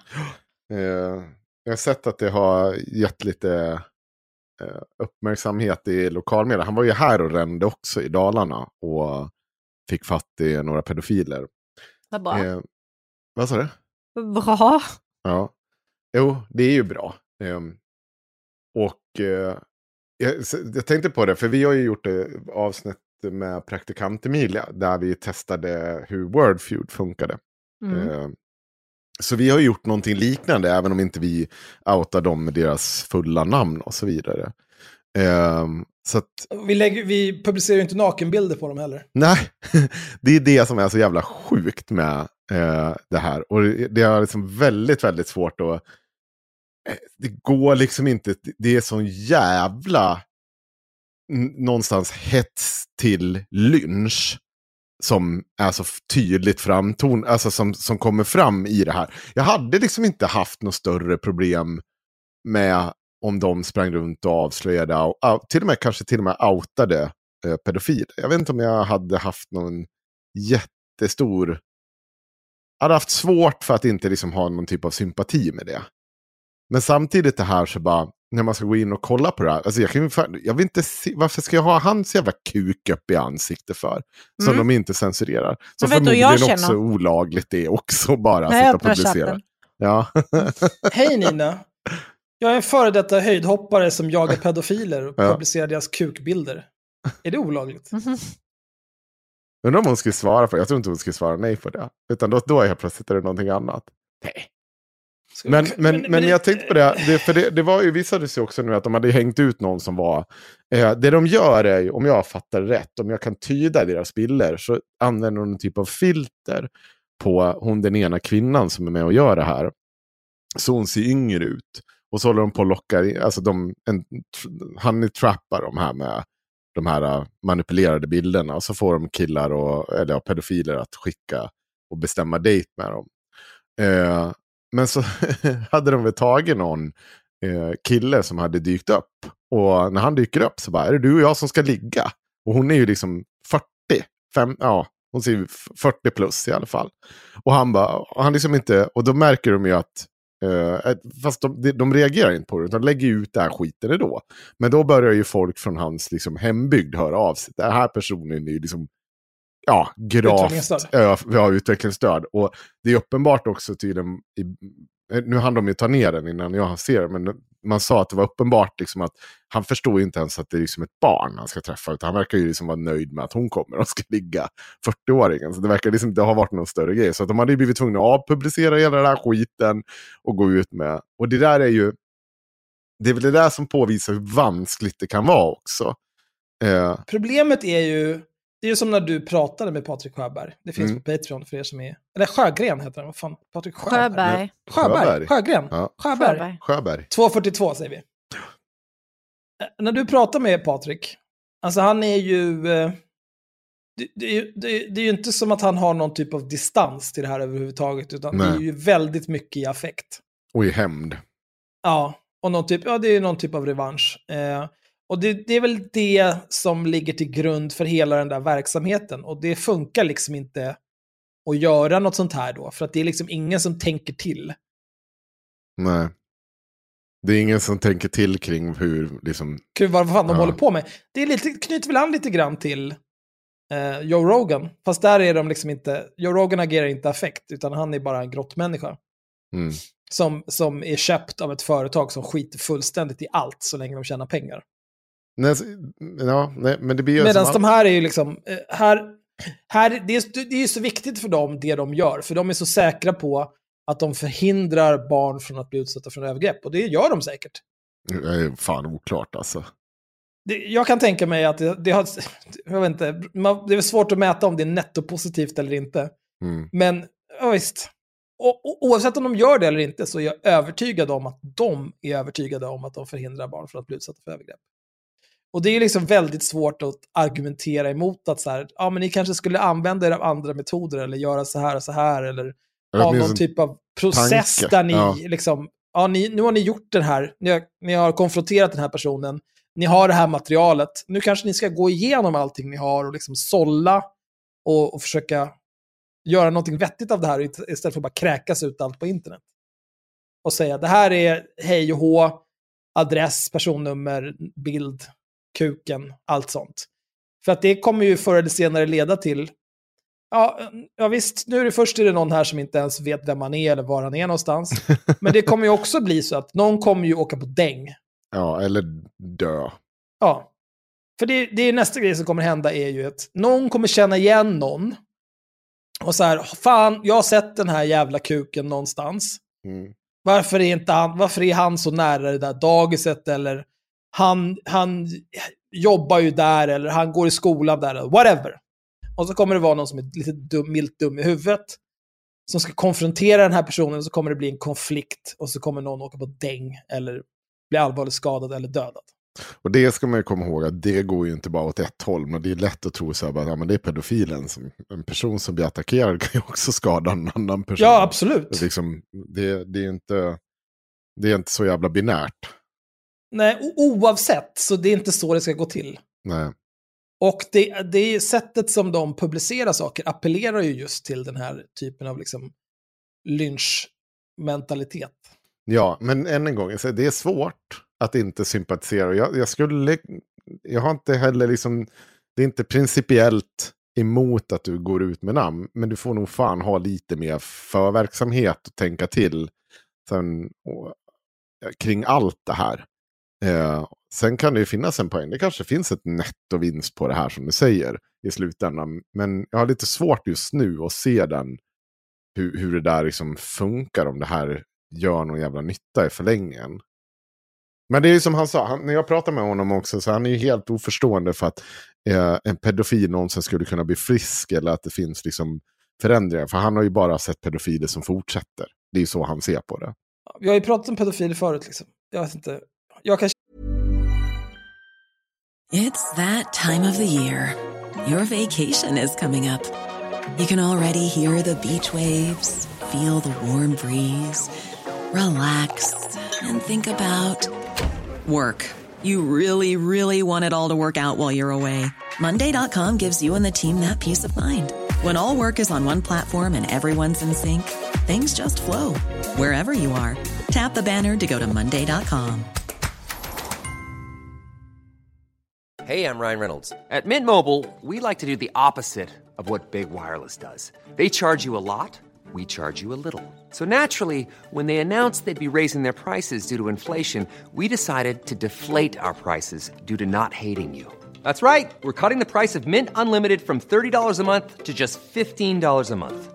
Give it a try at mintmobile.com slash switch. $45 upfront for three months plus taxes and fees. Promo for new customers for limited time. Unlimited more than 40 gigabytes per month. Slows. Full terms at mintmobile.com.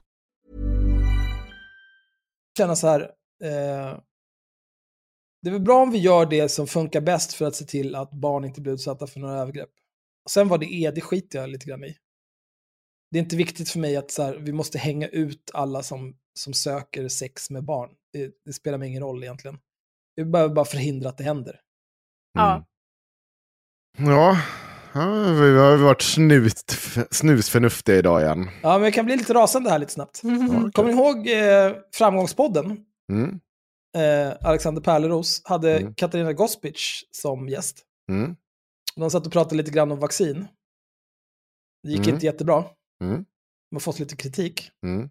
Nej. Ehm, här är ett screenshot som är i Haveristerna 2.0 klandervärda på Facebook. Där Josef har tagit ett screenshot från Hur kan vi? eftersnack. Där Victoria har skrivit så här. Den här veckan bjuder Hur kan vi in Katarina Gospic, medicindoktor, hjärnforskare och författare för att prata om vaccin och diskussionen kring covid. Vad vill du ställa för frågor till Katarina? Där, jag, ska fan titta, jag ska titta på det här och så ska jag se. Om, och Navid, Mm. om du inte, alltså om du inte hundraprocentar den här intervjun, då, ja, jag kokar redan nu alltså. Men vi kan fortsätta. För fan får veta att du lever. Jag vet inte om vi behöver läsa hela men, men jag tänker så här Axel. Eh, I dokumentet så har du ju eh, lite längre ner, du har den här länken till Unheard of. Det här snackade ju vi om, jag var, jag var också milt upprörd.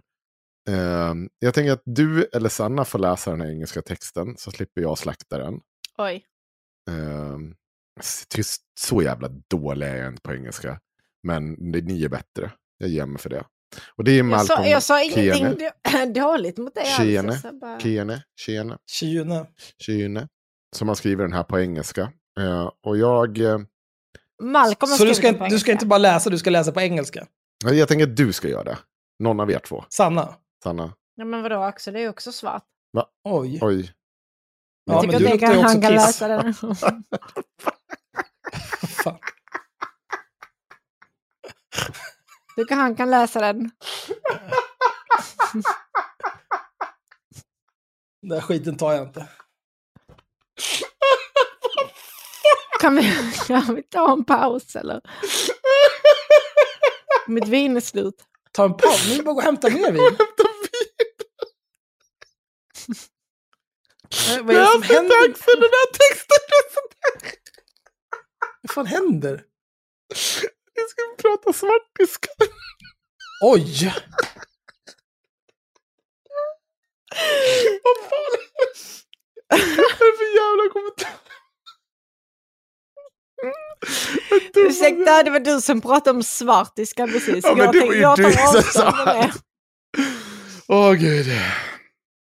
Jag tycker ni är extremt oseriösa. Nej, jag tänkte bara typ den mest arbiträra anledningen till att jag skulle slippa läsa Malcolms text. Ehm, jag tror att det är för att du tror att det finns ett språk som heter svartiska. Oj, stelt. mm, Det tror jag. Okej, Nej men Axel läs så det. jag uppfinnaren. Ja.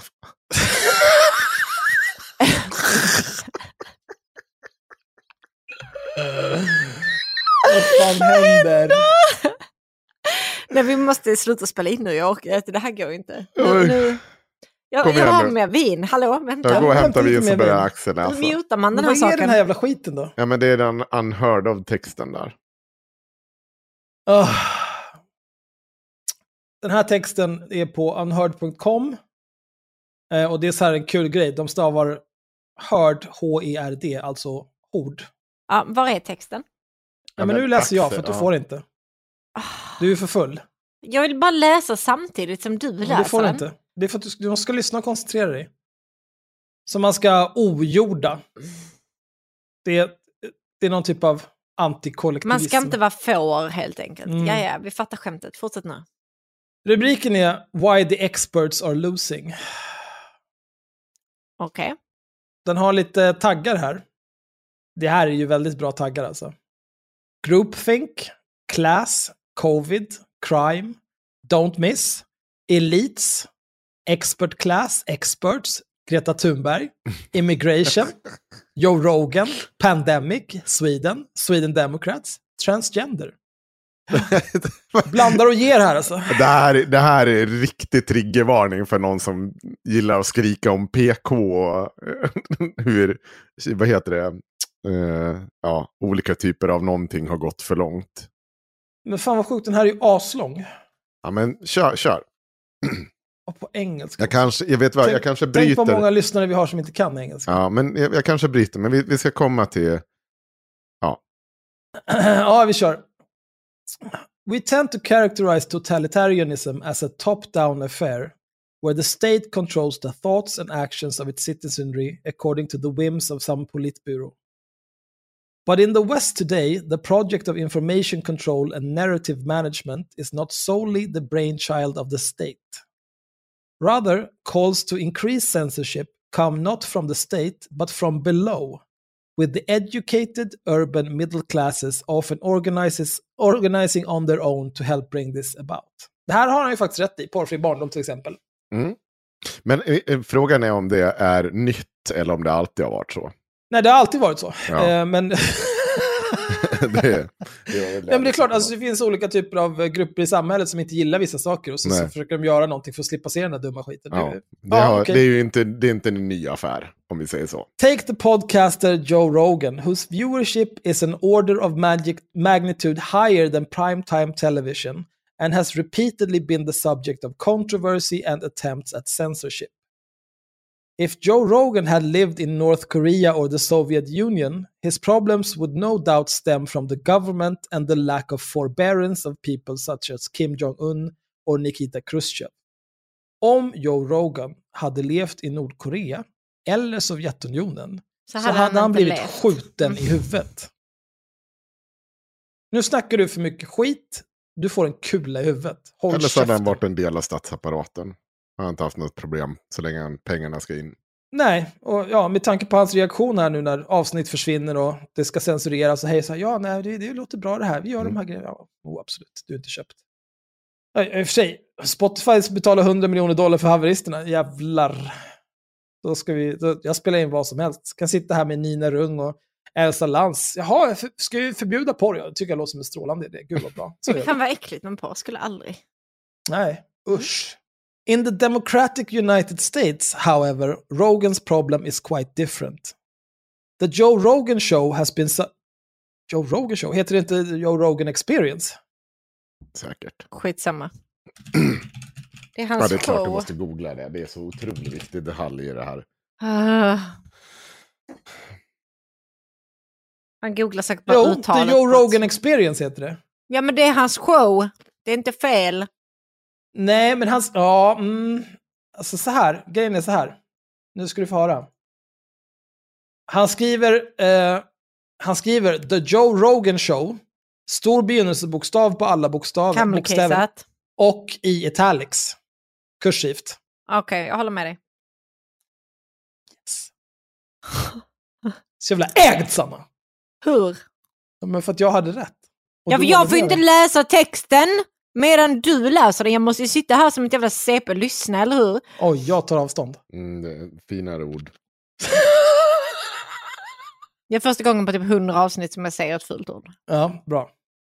Förutom där i början. Men äh, skit i det. Jävla horungar. In, in the Democratic United States, however, Rogan's problem is quite different. The Joe Rogan show has been subject to open threats of strike action by the employees at Spotify, which distributes his podcast. Their principal demand is to be handed editorial oversight over the podcast with the power to veto what Rogan says or does. This campaign was bolstered by an open letter signed by 270 experts concerned by his history of broadcasting misinformation, particularly regarding the COVID 19 pandemic. Interestingly, interestingly, the list of signatories was not populated by people actually work, working in virology or vaccine research.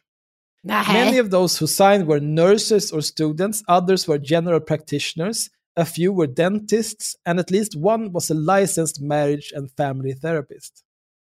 Eh. Alltså, Ja, eh, det där skulle jag vilja ha. Det där skulle jag fan vilja haft eh, källa på faktiskt. Hur det Alltså, jag kan ut säga så här. Mängden. Fortfarande.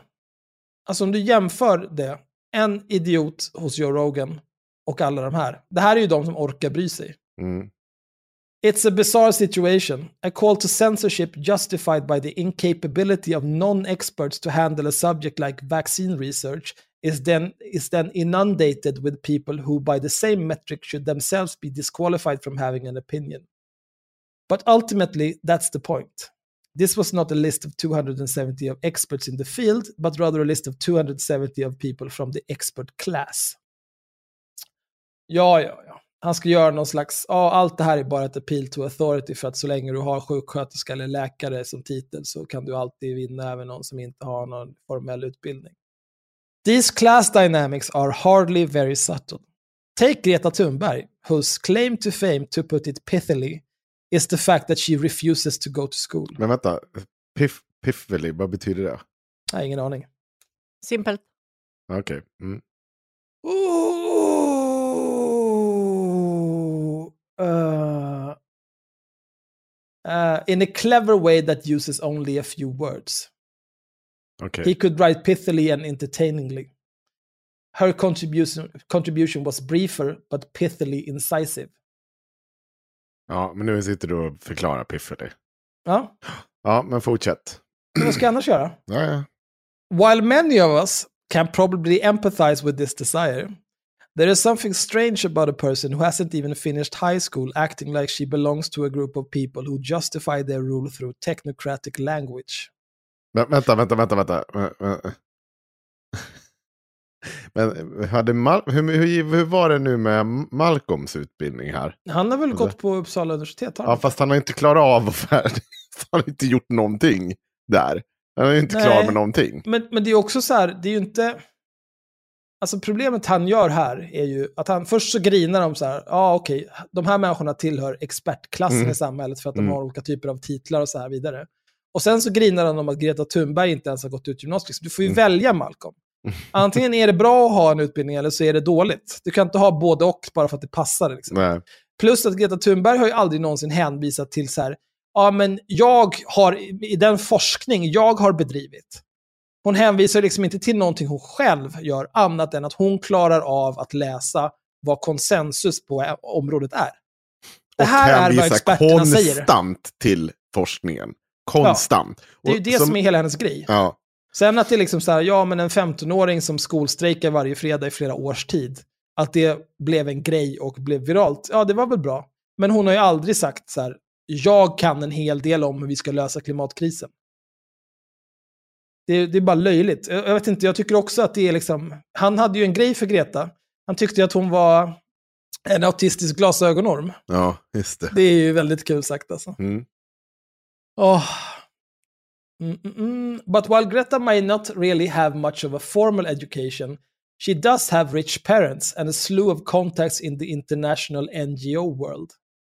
It would be foolish to think that the mere act of having a PhD would allow you to countermand someone like Greta Thunberg, even though the echelon she occupies openly ridicules the vast hordes of deplorables. Men alltså, g- att hon inte har så himla hög utbildning. Men Mm. för att hon är ett barn. Alltså hon, hon ligger ett, vadå, är- hon tog Nej, ett hon har ju gått ut gymnasiet nu väl? Ja, alltså hon tog väl ett sabbatsår, så hon ligger väl ett år efter sin utbildning jämfört med liksom det var ju vanliga också människor. så att hon fick... Och det är många som tar sabbatsår. Det är inte så att hon liksom så här, knappt har gått ut eh, tredje klass eller någonting. Nej, och hon fick ju extra uppgifter att göra av sin lärare och Ja. hon är ett MVG-barn. Mm. Såklart. För vad ska hon annars vara? Det heter inte MVG längre. Nej, men ett A-barn då? Jag vet inte. Jag vet inte heller vad nya betygssystemet är. Eh, hon, är ett, hon är ett barn som blir inknuffat i skåpet när hon går förbi. För hon lyfte inte ens! Fan vad svag! Kom igen nu. Even though the echelon she occupies openly ridicules the vast hordes of deplorables for the high crime of only having a high school diploma. Men det var ju precis vad Malcolm just gjorde om Greta. Ja. Alltså han är så dålig. Han kan inte ens hålla liksom en, en röd tråd tre stycken i rad. Like medieval nobles claiming a right to rule based on being a superior breed and then openly practicing inbreeding, our current elites rarely live up to their own hype. Often, the experts are stupid and wrong, sometimes to an almost comical degree. And yet they persist in trying to convince us that they deserve to rule us and get mightily upset whenever someone dares to challenge their power. Their fixation with Joe Rogan is not hard to understand through this lens. Uh, jag vet inte. Jag vet inte om det är så många kända människor som krigar mot Joe Rogan. Eh, snarare det lilla jag har sett av det här så är det väl av så här amerikanska kändisar så är det folk som tycker både och. Liksom. För de är ju mycket med freedoms. Ja. Och då måste man ju få säga vad man vill i alla jag, lägen. jag förstår att han också tar sig jävla illa vid sig i sådana här, så med tanke på att det skulle ju ligga folk döda i drivor på gatorna och det skulle vara någon typ av inbördeskrig i Sverige i, vad var det? Var det i maj 2020? Kommer ni ihåg det? Ja, det var Men- bara ett par månader innan Ja, vi det var bara, ja, vi skulle ju också läsa hans, eh, vi skulle åkt, vi skulle... Bokmärk den här texten. Ja, bokmärk den här texten så att vi kan kolla om hur rätt han hade. Eh, Ja. Tre månader senare, In, han har inte ett jävla rätt. Och nu helt plötsligt har han gått från att typ att bara stå och skrika om att vi kommer alla liksom dö i en pandemi till att nej, det här är ingen, det är ingen grej. Det här håller på med. Sluta ta inte er. Men ja, fortsätt. The investor Warren Buffett famously said, There's class warfare, all right, but it's my class, the rich class, that's making war and we're winning. Today we can describe the political sphere with a modified version of this. There's class warfare, all right, uh, but it's the expert class making war, and it's not at all clear that they're actually winning. Okay? Of course, the state plays its role here, but it's difficult to shake the impression that it lags behind the enthusiasm and radicalism of the expert class. The students, professors, journalists, and people whose work consists of writing and answering emails. Men om man ser på det här, alltså eh, Robert Malone, som de här 270 ja, nurses och whatnot svarat på, han är ju också en expert enligt den här definitionen. För han har, en, han har en utbildning, han kan en hel del om en hel del, han har nio patent som rör mRNA-vaccin, bla bla. bla, bla. Han är en expert. Jordan B. Peterson, som sitter och babblar om klimatmodeller utan att begripa ett skit om det, han är också en expert. Va- va- Vad fan pratar han om? Ja, Eller är det liksom Joe Rogan som vi ska tänka på här? Bara för att Joe Rogan, han är bara en komiker, han är inte en journalist. Så här, uh. Det där är också... Navid äh, sa också så här, han är inte en journalist, han är komiker. Bara, jo, men liksom, bra komiker, de tenderar att vara liksom... Jag skulle säga att eh, bra ståuppkomiker har nog väldigt mycket gemensamt med journalister. För att det handlar om, alltså den typen av eh, stand-up som jag uppskattar, det handlar liksom om att kunna se saker i samhället och att belysa det och prata om det på ett intressant sätt. Som och det jag- kräver ju att man kan göra vissa insikter. Mm. Och det krävs att man liksom inte bara är en jävla apa som står och glor och så här, utan att man så kan analysera skeenden, organisationer, personer, motivationer och människor och så här. Egentligen ståuppkomiker är ju nästan bättre för att de kan ju också göra det roligt om man har lite tur. Medan en journalist, då blir man bara rasande efter att man har läst klart någonting. Alltså jag, jag är ju kvinna så jag gillar bara tråkig standup. Alltså andra kvinnor som står och skriker om mens och sånt. Vilket är Mm. allting som kvinnliga komiker lyckas få ur sig någonsin. Har du sett eh, Baby Cobra på Netflix? Japp. Så jävla bra. ja. Nej. Nähä. Nej, men hörni, nu, nu, nu, nu stannar vi här vid texten. Kom igen. Men jag kan säga så här, apropå det här med att vara komiker. Jag tror att till exempel, eh, jag tror att Dave Chappelle skulle till exempel kunna sitta och prata med någon av de här personerna som Joe Rogan har pratat med, vara bättre förberedd och ha mer att säga. Och både kunna hålla med på ett vettigare sätt i de lägen han vill göra det, Eller kunna kritisera och ställa följdfrågor på ett vettigare sätt än vad Joe Rogan kan. Mm. Eh, jag tror att Bill Burr skulle nog klara av det också, om han ville det. Richard Pryor hade nog klarat av det, om han fortfarande levde. George Carlin hade ju kunnat göra det. Men liksom så här, ja, han är en komiker. Jo, fast... Is he though? Det är liksom, man skrattar oftast med komiker, inte åt. Oh. Perhaps the recent news that Sweden is forming a psychological defense agency in order to safeguard democratic society and the free formation of opinion gives us a sense of where the West is heading. The Swedish situation is actually far more subtle. Fan vad allting är far more subtle hela tiden. Mm. Har du ett favorituttryck, Malcolm? Even contradictory than it first appears. Myndigheten för psykologiskt försvar, MPF, didn't really make much of a splash in Sweden when it was announced.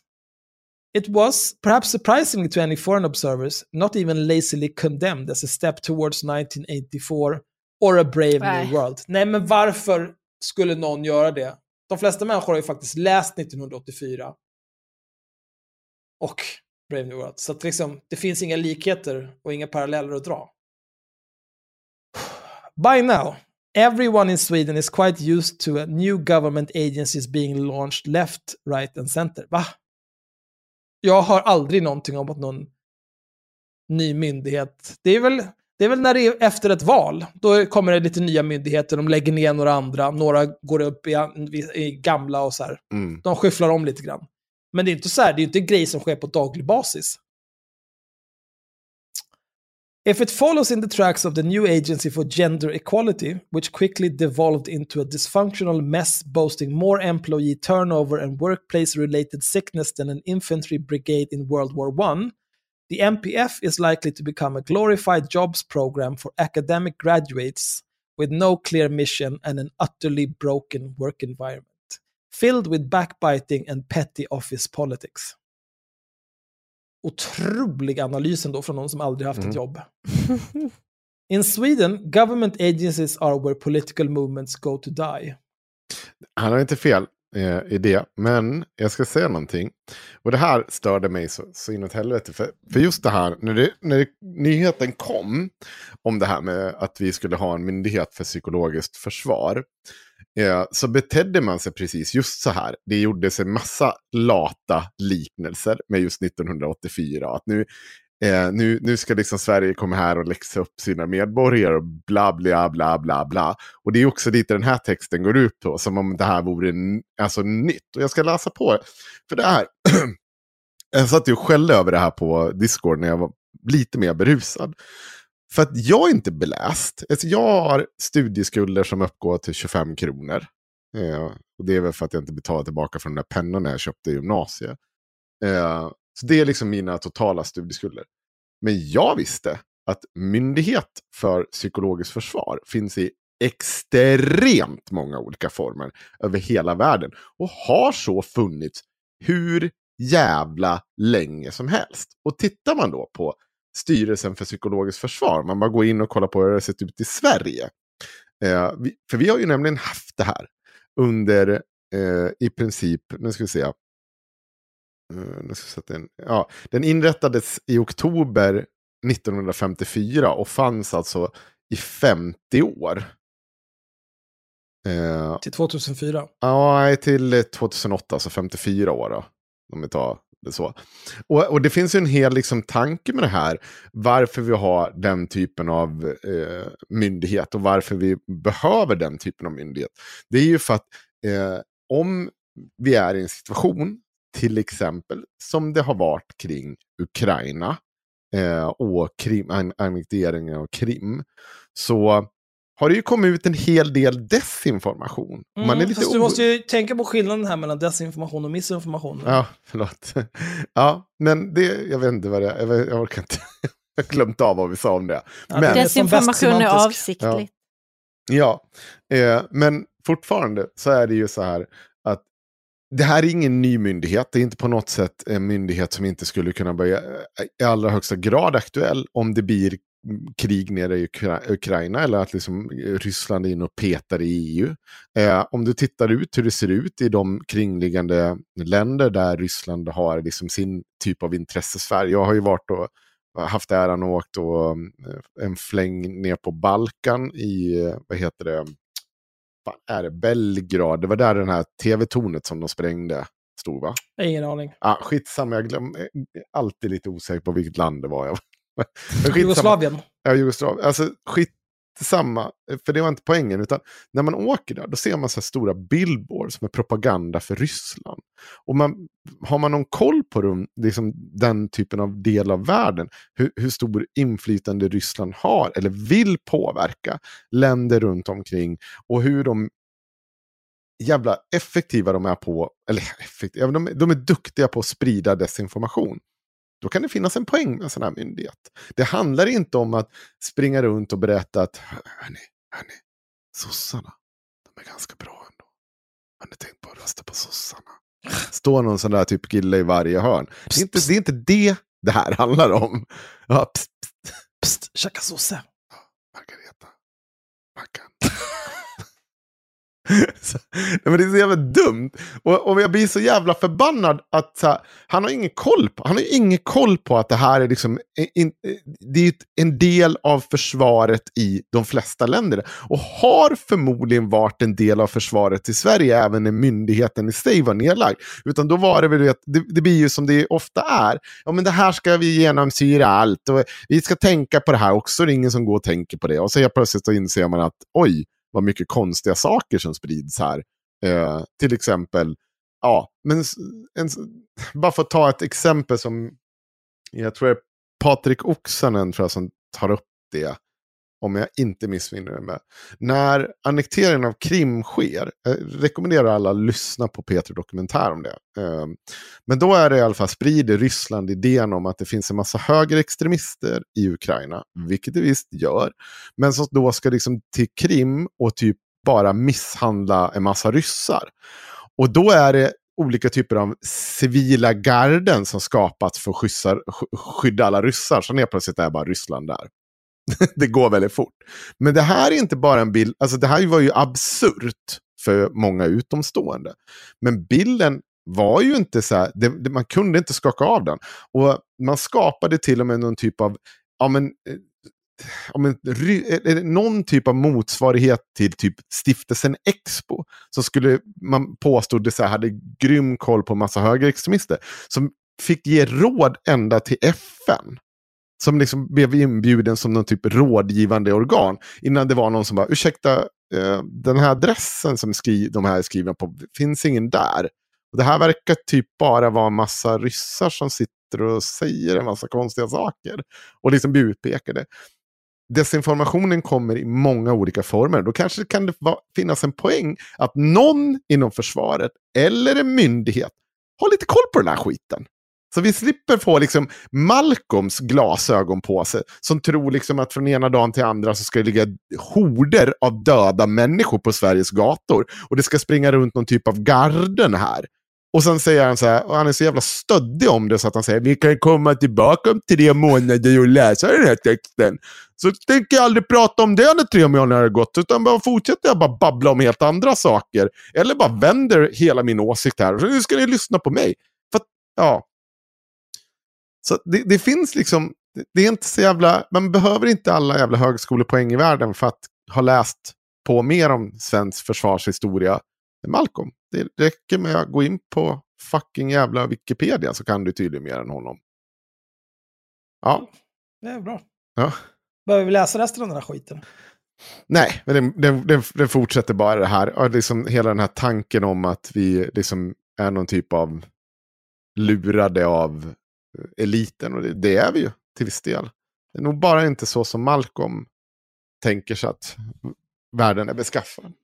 Här är ju en, en, en liten kul mening. In Sweden, the activist veterans of our mostly failed cultural revolution against the ignorant deplorables are now, being, are now rapidly being retired. The lucky ones shuffled off to various bureaucratic cubbyholes, the unlucky ones forced to get horror of horrors, real jobs. Kan inte du skaffa ett riktigt jobb, Malcolm? Idiot. Ja, Alltså, så provocerande. han, ja, vi, men vi, han, det, han är ju... Det är bara... Han har ju både rätt och han har fel. Det här pratade vi om ganska tidigt i den här poddens historia. Hur många, hur många som tystnade som var sådana här riktiga jävla uppkäftiga. Eh, nu ska liksom tolkningsföreträde och hej och hå, allting ska råda på Twitter runt 2012, 2013. Sen vart ju alla tysta för att de insåg att de behövde riktiga jobb. De behövde också, ville gärna sitta på en kulturredaktion på kanske DN.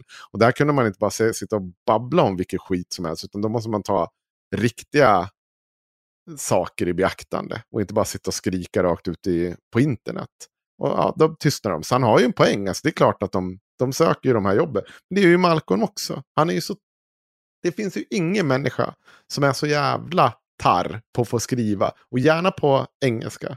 Och gärna i något så här, han, han vill så gärna sitta på eh, New York Times eller något sånt där och bara sitta och skriva sitt svammel dagarna ända. Det, det, han skulle må så bra av det.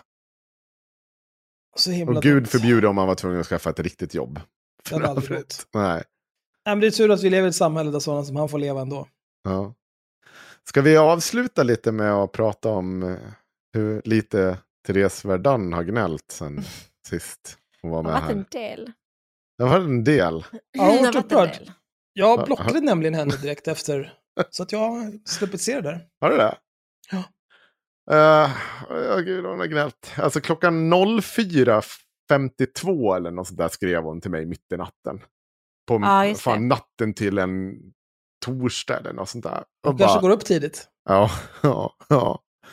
Eller så sitter de på Twitter dygnet runt och gnäller. Jag vet inte, men det har varit alltså sällan skå... Alltså jag har aldrig varit med om något liknande. Jag var inte beredd på det. Nej, det har varit Beredd- ganska rejält alltså. Ja. Det var ett sånt jävla gnäll. Och sånt jävla... Jag vet inte vilket var som dummast. Hennes gnäll om allting och sakernas tillstånd. Och hur jobbigt det var för henne att vara här. Och hur vi inte lyssnade på hennes svar.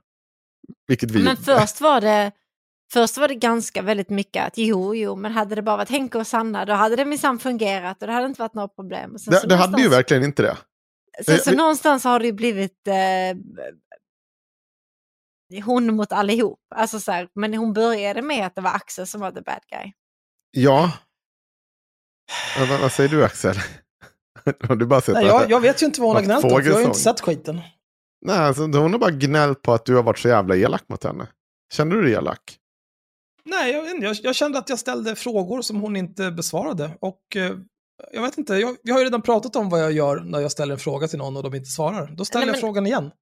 Det, det här skrevs ju också i, i? Facebookgruppen att folk var förvånade över för att eh, med tanke på att det tog slut så, på så kort tid och hon grät och hon sen drog rakt ut på Twitter och bara började härja. Så Mm. tänkte ju folk sig verkligen I en vecka. Ja, i en vecka. Men folk tänkte ju verkligen sig att Axel skulle liksom på något sätt bete sig svinilla mot henne i det här avsnittet. Och lyssnarna blev nästan lite besvikna på hur saklig och lugn Axel var och hur hon bara flippar sin skit. Alltså. Men, men det är ju det här som är eh, vanligtvis så liksom så här, nu, med det här Joe Rogan-skiten till exempel om Navid, alltså. Jag är ju egentligen ganska obrydd. Jag raljerar ju bara när jag Jo, håller på på det här viset. Och så är det ju oftast där vi gör sådana här saker. Men om, om, eh, om det är någon som gör mig förbannad på riktigt för att de är riktigt jävla korkade, eller riktigt jävla äckliga, då blir det så här. Jag, hon har- hon jag har- ställer samma fråga 40 gånger, jag skiter i det. Du kommer få svara, eller så kan du gå, börja grina och springa till skogs. Ja, det, det, problemet är ju så här. Och det här är ju, om man verkligen vill se, eh, vad ska man säga, Ja, kan man använda ordet dissonans mellan två sidor av liksom folks fans? Kan man säga- Säkert, uttrycka det nu. ja. Gör det, så ser Ja. vi hur det går. Ja, jag vill inte svåra till det, men verkligen så här otroligt hur folk har tolkat det här samtalet eller diskussionen. Så jävla otroligt jävla sinnessjukt olika. Men alla våra fans, de säger bara, "Men det var ju bara en fråga. Så. Och, och medan alla hennes bara, Nej, men den här frågan kan man inte fråga. Det här går inte att fråga så här. Det här är Guilt by Association. Så bara, ingen sa åt henne att hon var nazist. Ingen. ingen. Vi frågade enkelt, beskedligt, hur känns det att hamna i det här sällskapet? Kunde inte svara på den enkla jävla frågan. Du får prata med honom om sällskapet. Det var ingen som frågade. Det är fråga om ja. hur du Vad tycker känner. du om det här? Vad tycker du om det? Vad tycker du om det här? Ja, inget annat. Och så vi hela tiden så här, prata med så här, ja men om jag hade svarat, då hade det här hänt. Ja, det är klart att det hade kommit en följdfråga. Om du hade sagt så här, jag har inget problem med det. Nej, okej. Varför har du inte det? Alltså så här, Ja. om någon säger så här, jag har inga som helst problem med... Ja, känns det inte lite konstigt att uh, Ernst Robot bjöd in bara nazister och dig? Mm. Nej, jag tycker inte det är något konstigt alls. Ja, nej, man kan ju lätt få intrycket då liksom att han anser att eh, Du dina åsikter åsiktsgrupp. går i linje Ja. med hans och de andra nazisternas. Vad tycker du om det? Och så vidare och så vidare. Och liksom, vill, vill man inte svara på frågor, nej, det är ju bara att låta bli, men det blir, det blir ganska vekt. Särskilt om man så, så här, liksom, ska sitta här och nästan börja tjura.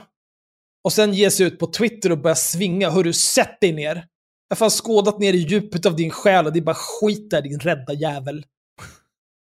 Men också säga, alltså, jag, jag, jag visste ju om det här. Vi hade ju ganska mycket förberett på också så här. För hon har ju en idé av, så länge inte jag säger basically Sieg Heil så är inte jag nazist. Ja. Problemet är att du gång på gång sitter med nazister, pratar om hur skit det är att vara sosse och drar slutsatser om att alla antirasister, eh, andra politiska partier, det är bara skit. Hur fan kan du gnälla på de här nazisterna när allt den här skiten är här? Det är, också, alltså det är sådana saker som Nordfront skrev ju en artikel, nazisterna, Mm. Nordiska motståndsrörelsen som driver Nordfront, den nazistiska sajten, Mm. skrev en artikel om att Pavel Gamov var någon typ av förrädare. Mm. Och då svarar Therese Verdun på att så här, nej, beter man sig så här? Va- va- Varför sitter du och liksom... Varför sitter nazister. Det är nazister, vad fan håller du på med? Som är deras svammel om olika typer av... Ja. Liksom Men så också här, så jag här, hoppas folk beter sig jävligt illa mot nazister i alla lägen. man ser henne sitta och snacka med Hampus Ellerklant, Magnus Söderman, eh, Per, per Sjögren från NMR. Och liksom gång på gång, än en gång, säger så här, sitter och pratar om varför gör ni inte någonting åt de här dummingarna från Dalarna? Fan vad dumma ni är i Dalarna, eller de andra. Och då är, det inte, då är det inte nazisterna som är skräpet, utan det är jag, Daniel Riazat från Vänsterpartiet. Och det är som andra demokratiska män, liksom människor. Det är de som är problemet i hennes värld. Det är de hon sitter och pratar illa om med nazister. Och framförallt, alltså den här människan har gnällt över mig i pff, två, tre år. Snackat skit, snackat skit, snackat skit. Springer härifrån grinandes, rakt ut på Twitter. Jag var taskig mot mig. Så här kan man inte bete sig.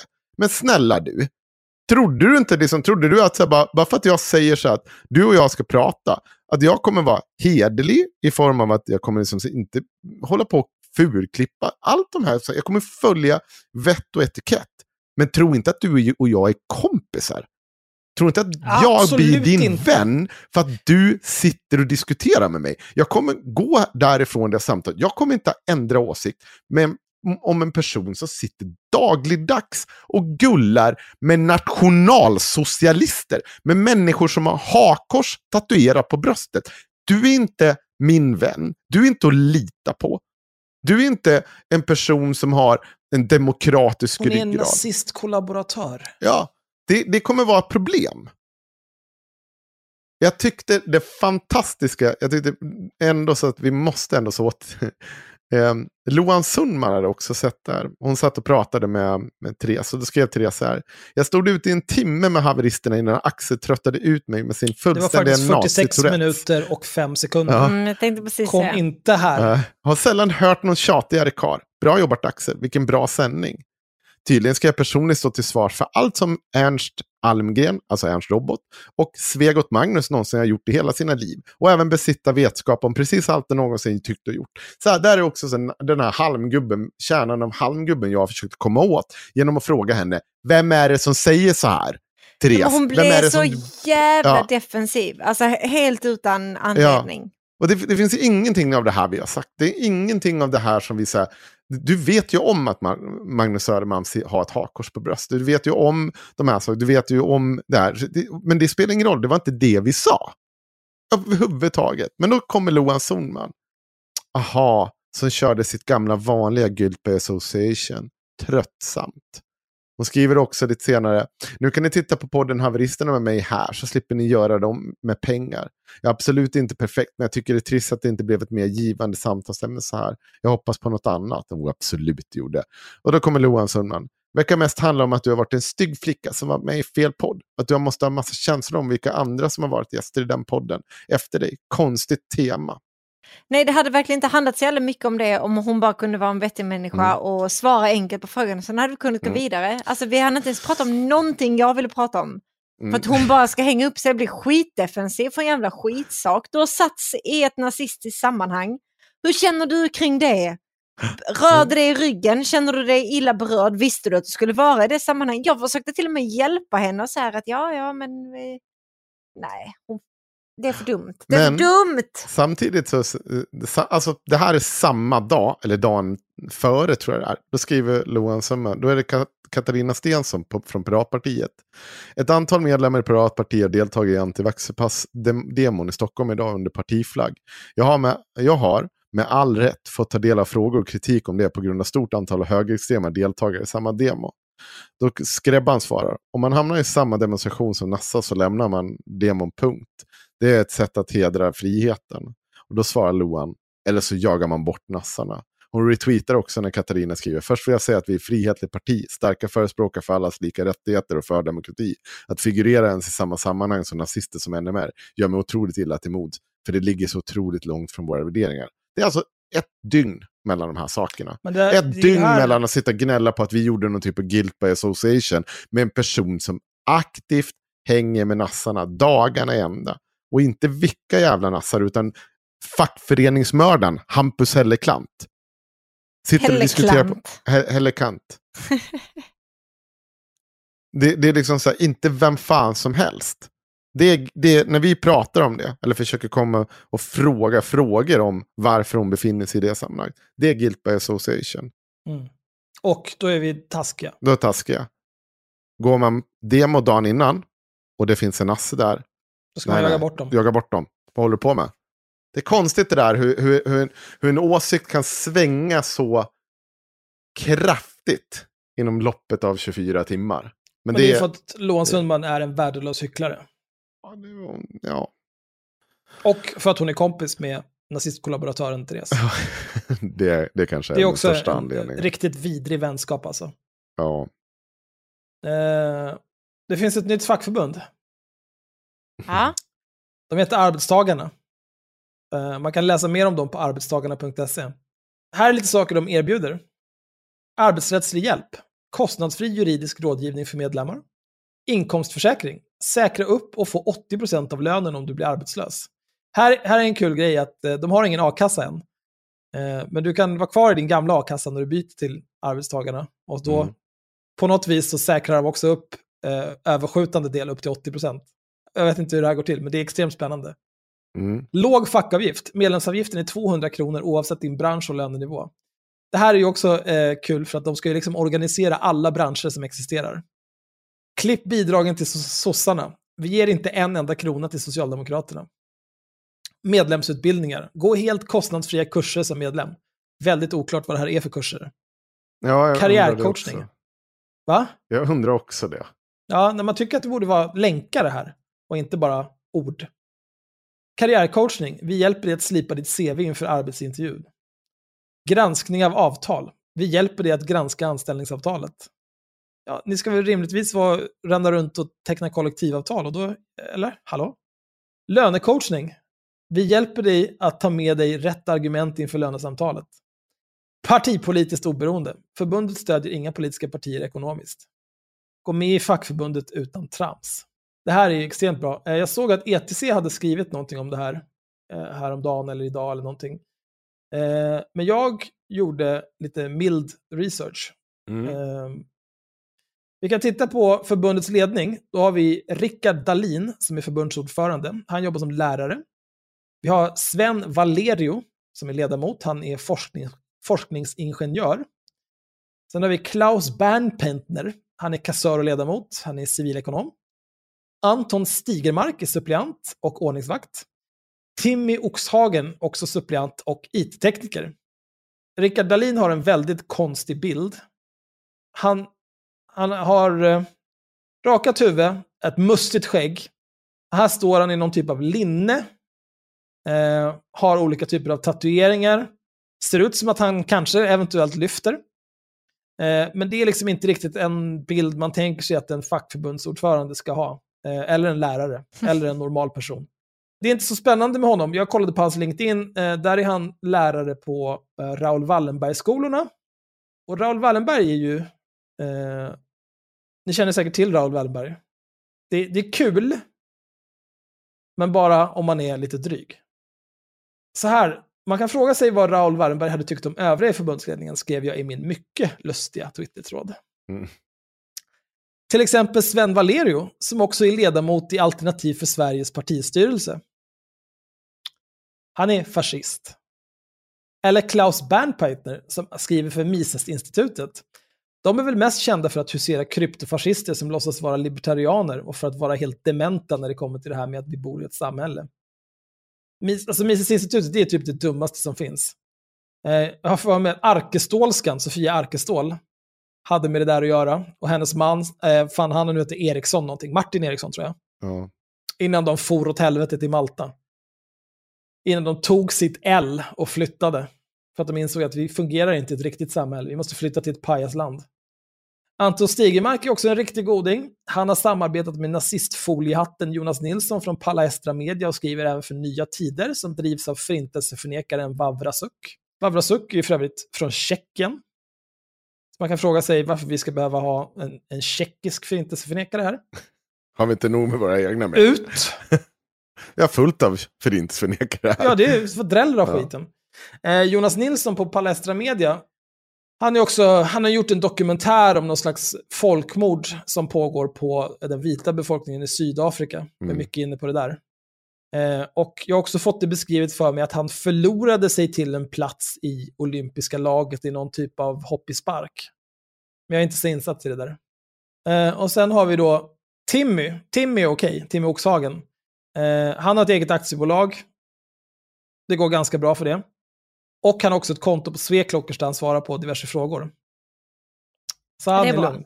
Men de övriga, alltså, de är verkligen eh, bajsmänniskor. Riktiga bajsmänniskor. Det är lite, jag har inte riktigt fått grepp om den här Rickard Dahlin mer än att han, jag har scrollat lite på hans Facebook, han verkar vara en riktigt vedervärdig person faktiskt. En sån här, eh, liksom, eh, den här typen av liksom libertarian som är i sin radikaliseringsresa till att bli nazist. Så känns han. Mm. Synd att han har gått och blivit tillsammans med en person jag känner. Det är lite, Ja, det är lite onödigt. Ja, du kanske kan bjuda in dig själv på middag så kan ni diskutera ut det här. Mm. Reda ut det. Jag tänkte faktiskt ringa och ställa några frågor till de här tills nästa gång. Ja, ja, det tycker jag. Ja, men det finns ju... Vi vet ju vad de har för typ av bakgrund, men vi kan ju också, precis som du säger, eh, det finns ju en hel del att ställa frågor till. Den här inkomstförsäkringen, var får de den ifrån? Ja, men den, den står, så här står det. Du Ja. erbjuds förmånlig inkomstförsäkring som komplement till a-kassan så du kan få ut 80% av lönen om du blir arbetslös. Ja, men var får de de pengarna ifrån? Det Här. måste man väl... Ja. Observera att arbetstagarna inte erbjuder a-kassa i dagsläget. Nej. Du kan kvarstanna i din nuvarande a-kassa även om du lämnar ditt gamla fackförbund för att gå med i arbetstagarna. Är du inte med i en a-kassa kan du hitta en lämplig i den här listan. Men men jag förstår inte hur de får ihop det. De ska ju finansiera det med den här eh, avgiften på 200 kronor per månad. Mm, jag har svårt att se hur det går ihop, för det går väldigt fort då om du får några stycken som är... det krävs lite. Eh, och också så här, det är ju, vem av de här människorna, vem är det som ska vara, stå för den arbetsrättsliga hjälpen? Jag förstår inte det alls. Det är lite oklart. Och vi, man säger också Vem ska här, stå för en juridisk, här, kostnadsfri juridisk medling vid komplikationer på din arbetsplats? Vem ska göra det av de här människorna? Ja. det är... Ja. Och de har ju jävligt mycket åsikter som, eh, som av en händelse går. Jag tycker det är intressant i deras första åsikt här. Det, det är Sw- Swexit Ja, de har mycket politiska åsikter Ja. inte... som, som inte, som man inte tar inte stä- Jag undrar ju om, om man kan, ja, det, jag ska ställa ett jag ska hoppas att jag får ta på dem. Men det jag här ställa är ju, alltså, en dem. grej de har skrivit här. Medlemskapet hotas inte av din politiska åskådning om du är medlem i eller röstar på ett specifikt parti, exempelvis Sverigedemokraterna. Ja. Ja, det här är ju, eh, med tanke på att Sven Valerio är med i Alternativ för Sverige, Ja. Jag tänker ju då att så här, om, det här bara vore, om det här vore liksom eh, ett seriöst projekt, Ja. varför skulle, han liksom, varför skulle de då så tydligt rikta in sig på Sverigedemokrater? Eh, och det, det, svaret är ju uppenbart. Det är för att det här är en grift. De är ute efter att dra in så mycket pengar som möjligt. Och sen, tror jag, sen kommer de här människorna gå upp i rök. Alltså det fanns, man startade ju, Sverigedemokraterna gjorde en liknande satsning på något som heter Löntagarna. Och då var det ju Sven Pernils och, Eh, eh, vad fan hette han? Eh, jo, Jan Sjunnesson som skulle vara någon typ av galjonsfigurer. För de vart ju också, det gick ju inte så bra det där. Det fick de ju lägga ner efter ett halvår eller något sånt där. Då var det ju också mycket så här eh, idéer om eh, så här, vi ska inte vara politiska och hej och hå. Sen insåg man att ja, men typ hälften av det facket sysslar med har med politik att göra. Så att man måste typ ta en ställning politiskt. det, är på något väldigt, sätt. Eller i alla fall försöka. politisk verksamhet Ja. att ha ett fackförbund. Ja. Och då måste man ju, alltså sen, sen behöver du ju inte, du behöver ju faktiskt inte gå och skicka pengar på sossarna. Men du måste bedriva partipolitisk, någon typ av partipolitisk påverkan eller någon typ av samtal med partipolitiken. För du kommer ju kanske också behöva ingå i olika typer av eh, rådgivande diskussioner när det kommer till olika lagstiftningar. Vad tycker man så här? Och då vill man väl gärna att sina åsikter ska få en bra representation. För annars kan det ju bli lite, kanske man inte stöttar, ja det, det blir lite jobbigt om medlemmarna så bara, fan hörni du, det här med att vi dör som flugor och ingen kommer att inspektera våra arbetsplatser, vi kanske borde ha lite mer av den där skiten. Och så, så går politikerna och säger, nej nej, det behövs inte. Det kan ju bli ett problem då. Folk kan ju dö till exempel. Jag vet inte. Det är synd om någon hade koll på sånt där med arbetsmiljö och att det fanns en lagstiftning som reglerar det. Jag vet inte. Ju- Skit i det. Ja. Ja, det är verkligen... Jag förvånas ständigt över hur liksom... Det är den här dumma skiten, Bulletin. Man förvånas ständigt över hur fräcka de här galningarna är. Eller liksom vilken, vilken psykotisk övertro på sin egen förmåga de har. Jag tror liksom att säga, men nej men vadå? Ja, vi, nej, vi ska starta någon typ av ny mediereaktion här som ska konkurrera ut allt som finns i Sverige. Är du sjuk i huvudet?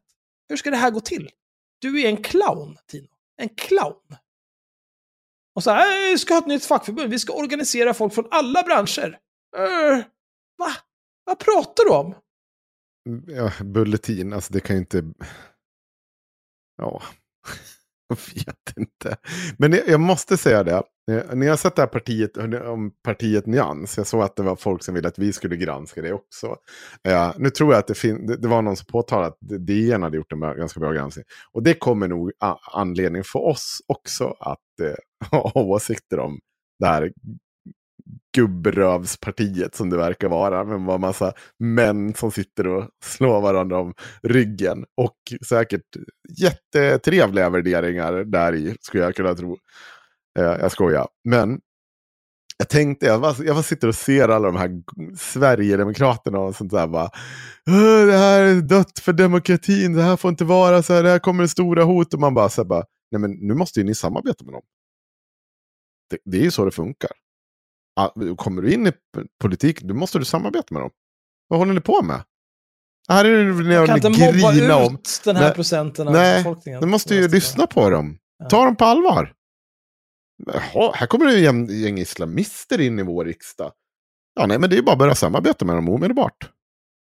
Det var- var det inte så vi skulle göra? Jag har för mig det var någon som sa att det var ungefär så, så man skulle jobba.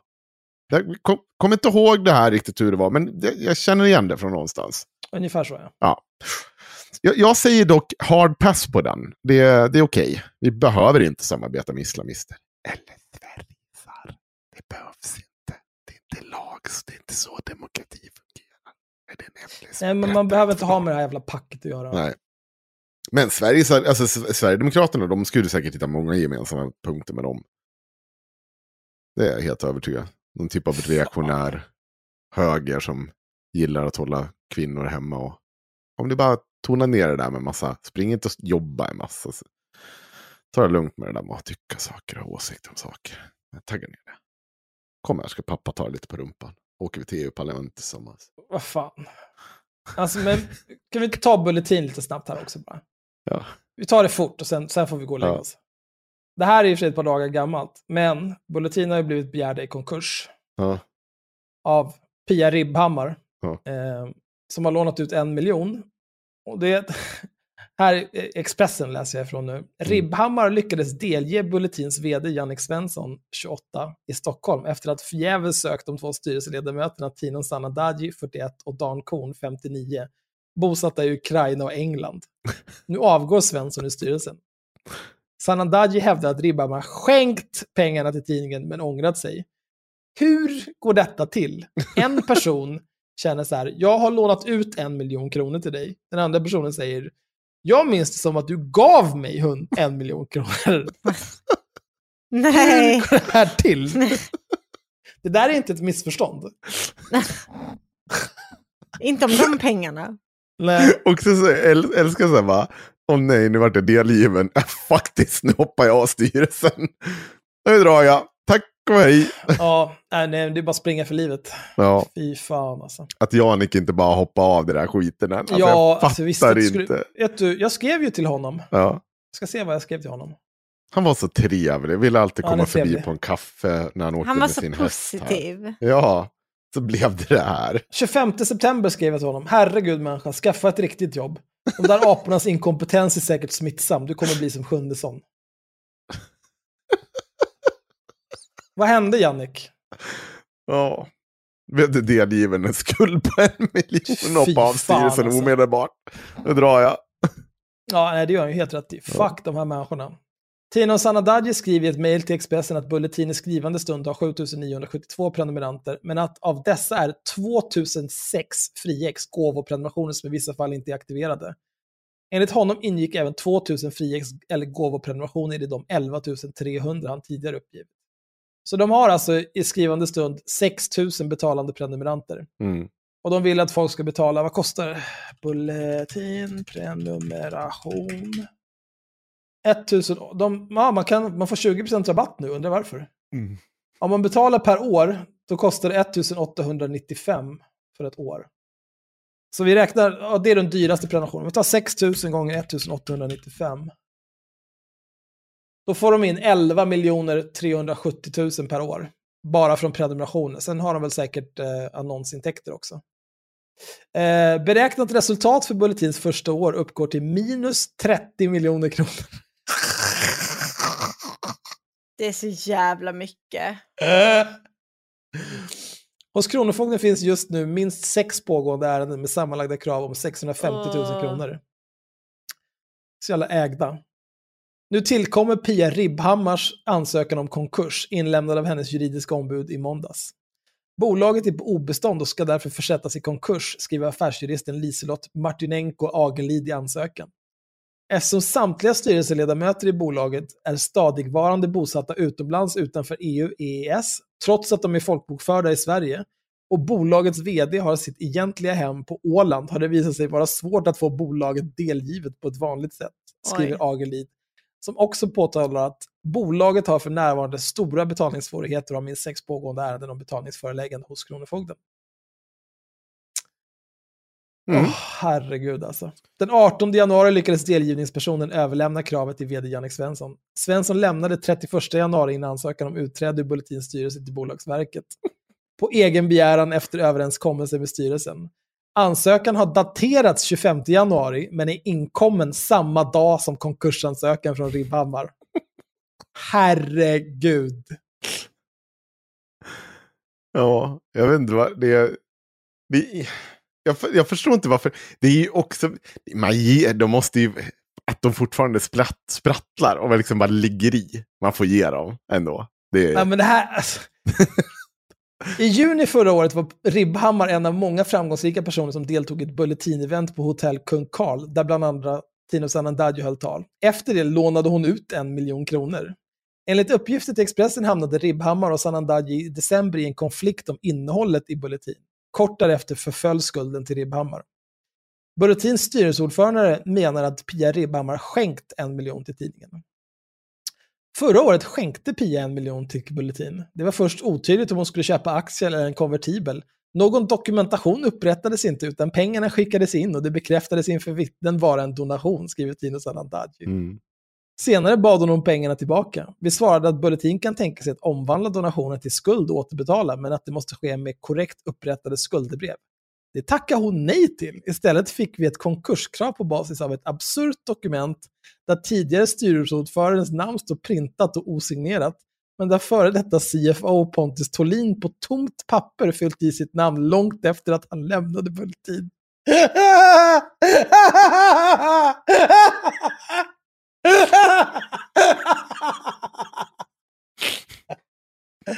Det är så jävla lekstuga alltså. Fy fan. Ska vi du lämna det jag, där? jag hoppas de blir belagda med näringsförbud allihop. Alla inblandade alltså. Fy fan vilka lallare. Ska vi lämna Bulletin där? Åh. Det är bra. Ja. nej men det var väl allt för den här gången. Ja.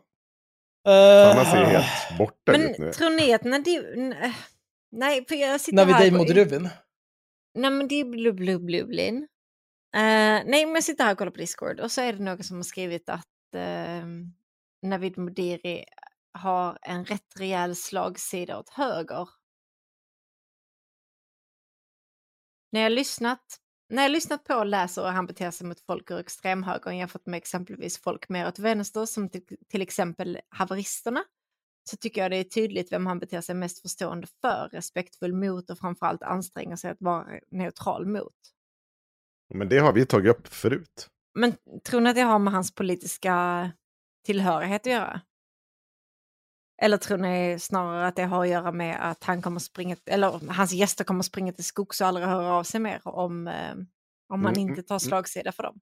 Nej, nej jag tror att det har... Nej, det, det, för, det är för att han blir tvungen att försvara sig.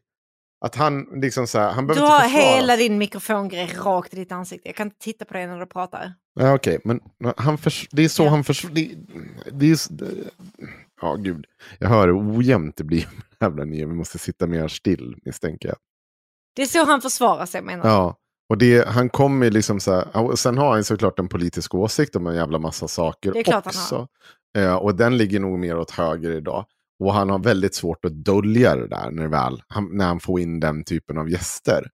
Eh, han blir inte lika liksom, det, det, tänk på de vänstergästerna som finns. Hur många finns det där som inte i princip är personer som bara basically bekräftar hans den här tesen om att allt är PK, hej och hå, eh, det är massa censur och så. Det, det är liksom typiskt sådana som går i linje med hans åsikt. Sen är det ju vi, och då blir han ju jättedefensiv. Alltså de gånger jag har lyssnat på Navid har det varit för den här podden. Jag skulle aldrig lyssna på det på min, på min fritid. Nej. Nej, men jag vill jättegärna höra honom och Paolo Roberto sitta och smöra varandras kukar, absolut. Mm. Ge mig två timmar please. Toppen. Aldrig Vad kul i mitt ska liv. Aj, för fruktansvärd. Nu går vi och lägger oss. Jag tror, alltså visst det kan väl ha med politik att göra, men jag tror också att eh, eh, jag tror att det till viss del handlar om pengar. Jag tror också det. Alltså, så här, jag, jag har svårt, jag, jag, kan, jag kan köpa att han, att han kanske lutar åt höger i sin, i sin privata politiska whatever. Men med, med gästerna han har och samtalen som han för, samtalen som han inte för snarare, där han inte kommer med kritik eller så vidare. Så höger tror jag inte att han är. Alltså jag, jag tror inte att han är så konservativ. Jag tror inte att han är så... eh, Nej. Jag, jag, är tror, jag tror att han, att han gör det för, för, att de inte ska, eh, för att de inte ska bli defensiva, för att de ska fortsätta sitta där och prata med honom, för att han ska få content för pengarna. Helt enkelt. Mm.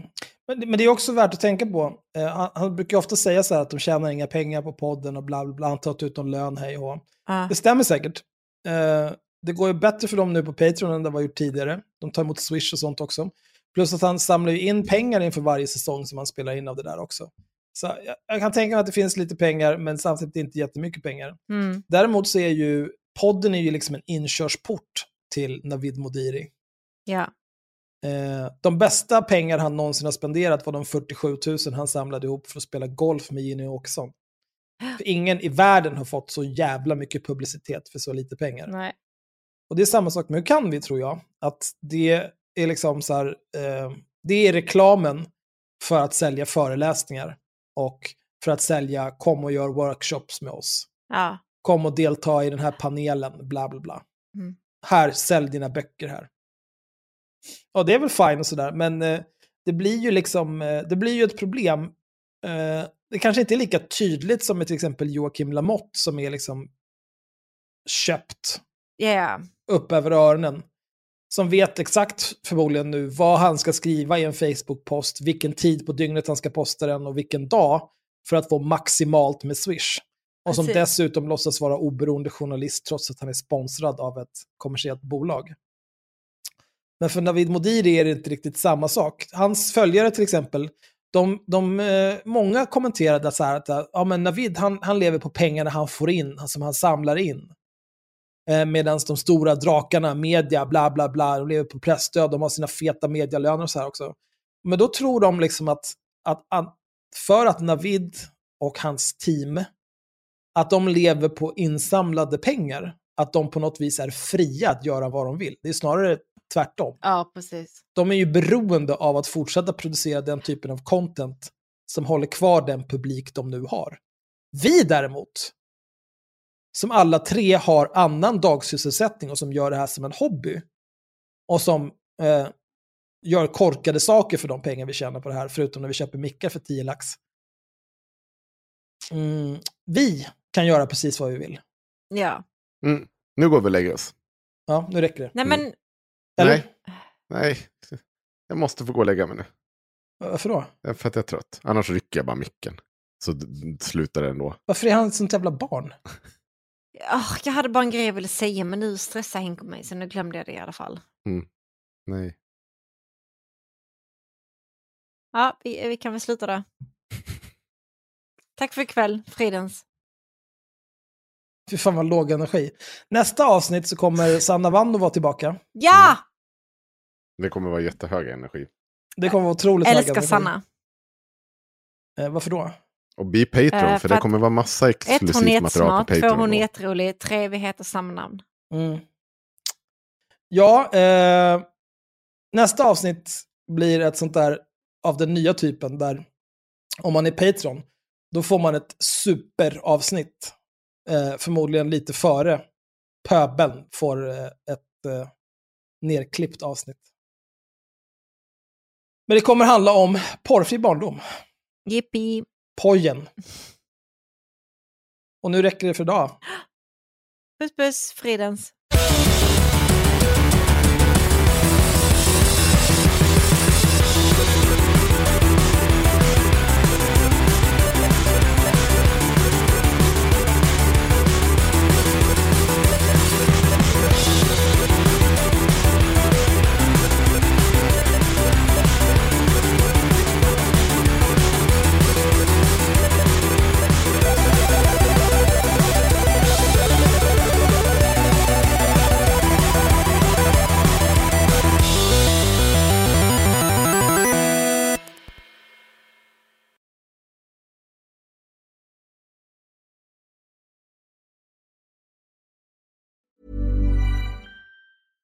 Flexibility is great. That's why there's yoga. Flexibility for your insurance coverage is great too. That's why there's United Healthcare Insurance Plans.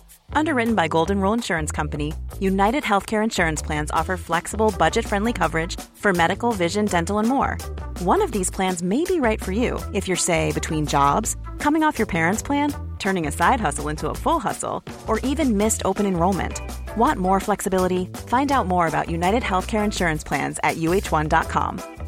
Want flexibility? Take yoga. Want flexibility with your health insurance? Check out United Healthcare Insurance Plans. Underwritten by Golden Rule Insurance Company, they offer flexible, budget friendly medical, dental, and vision coverage that may be right for you. More at uh1.com.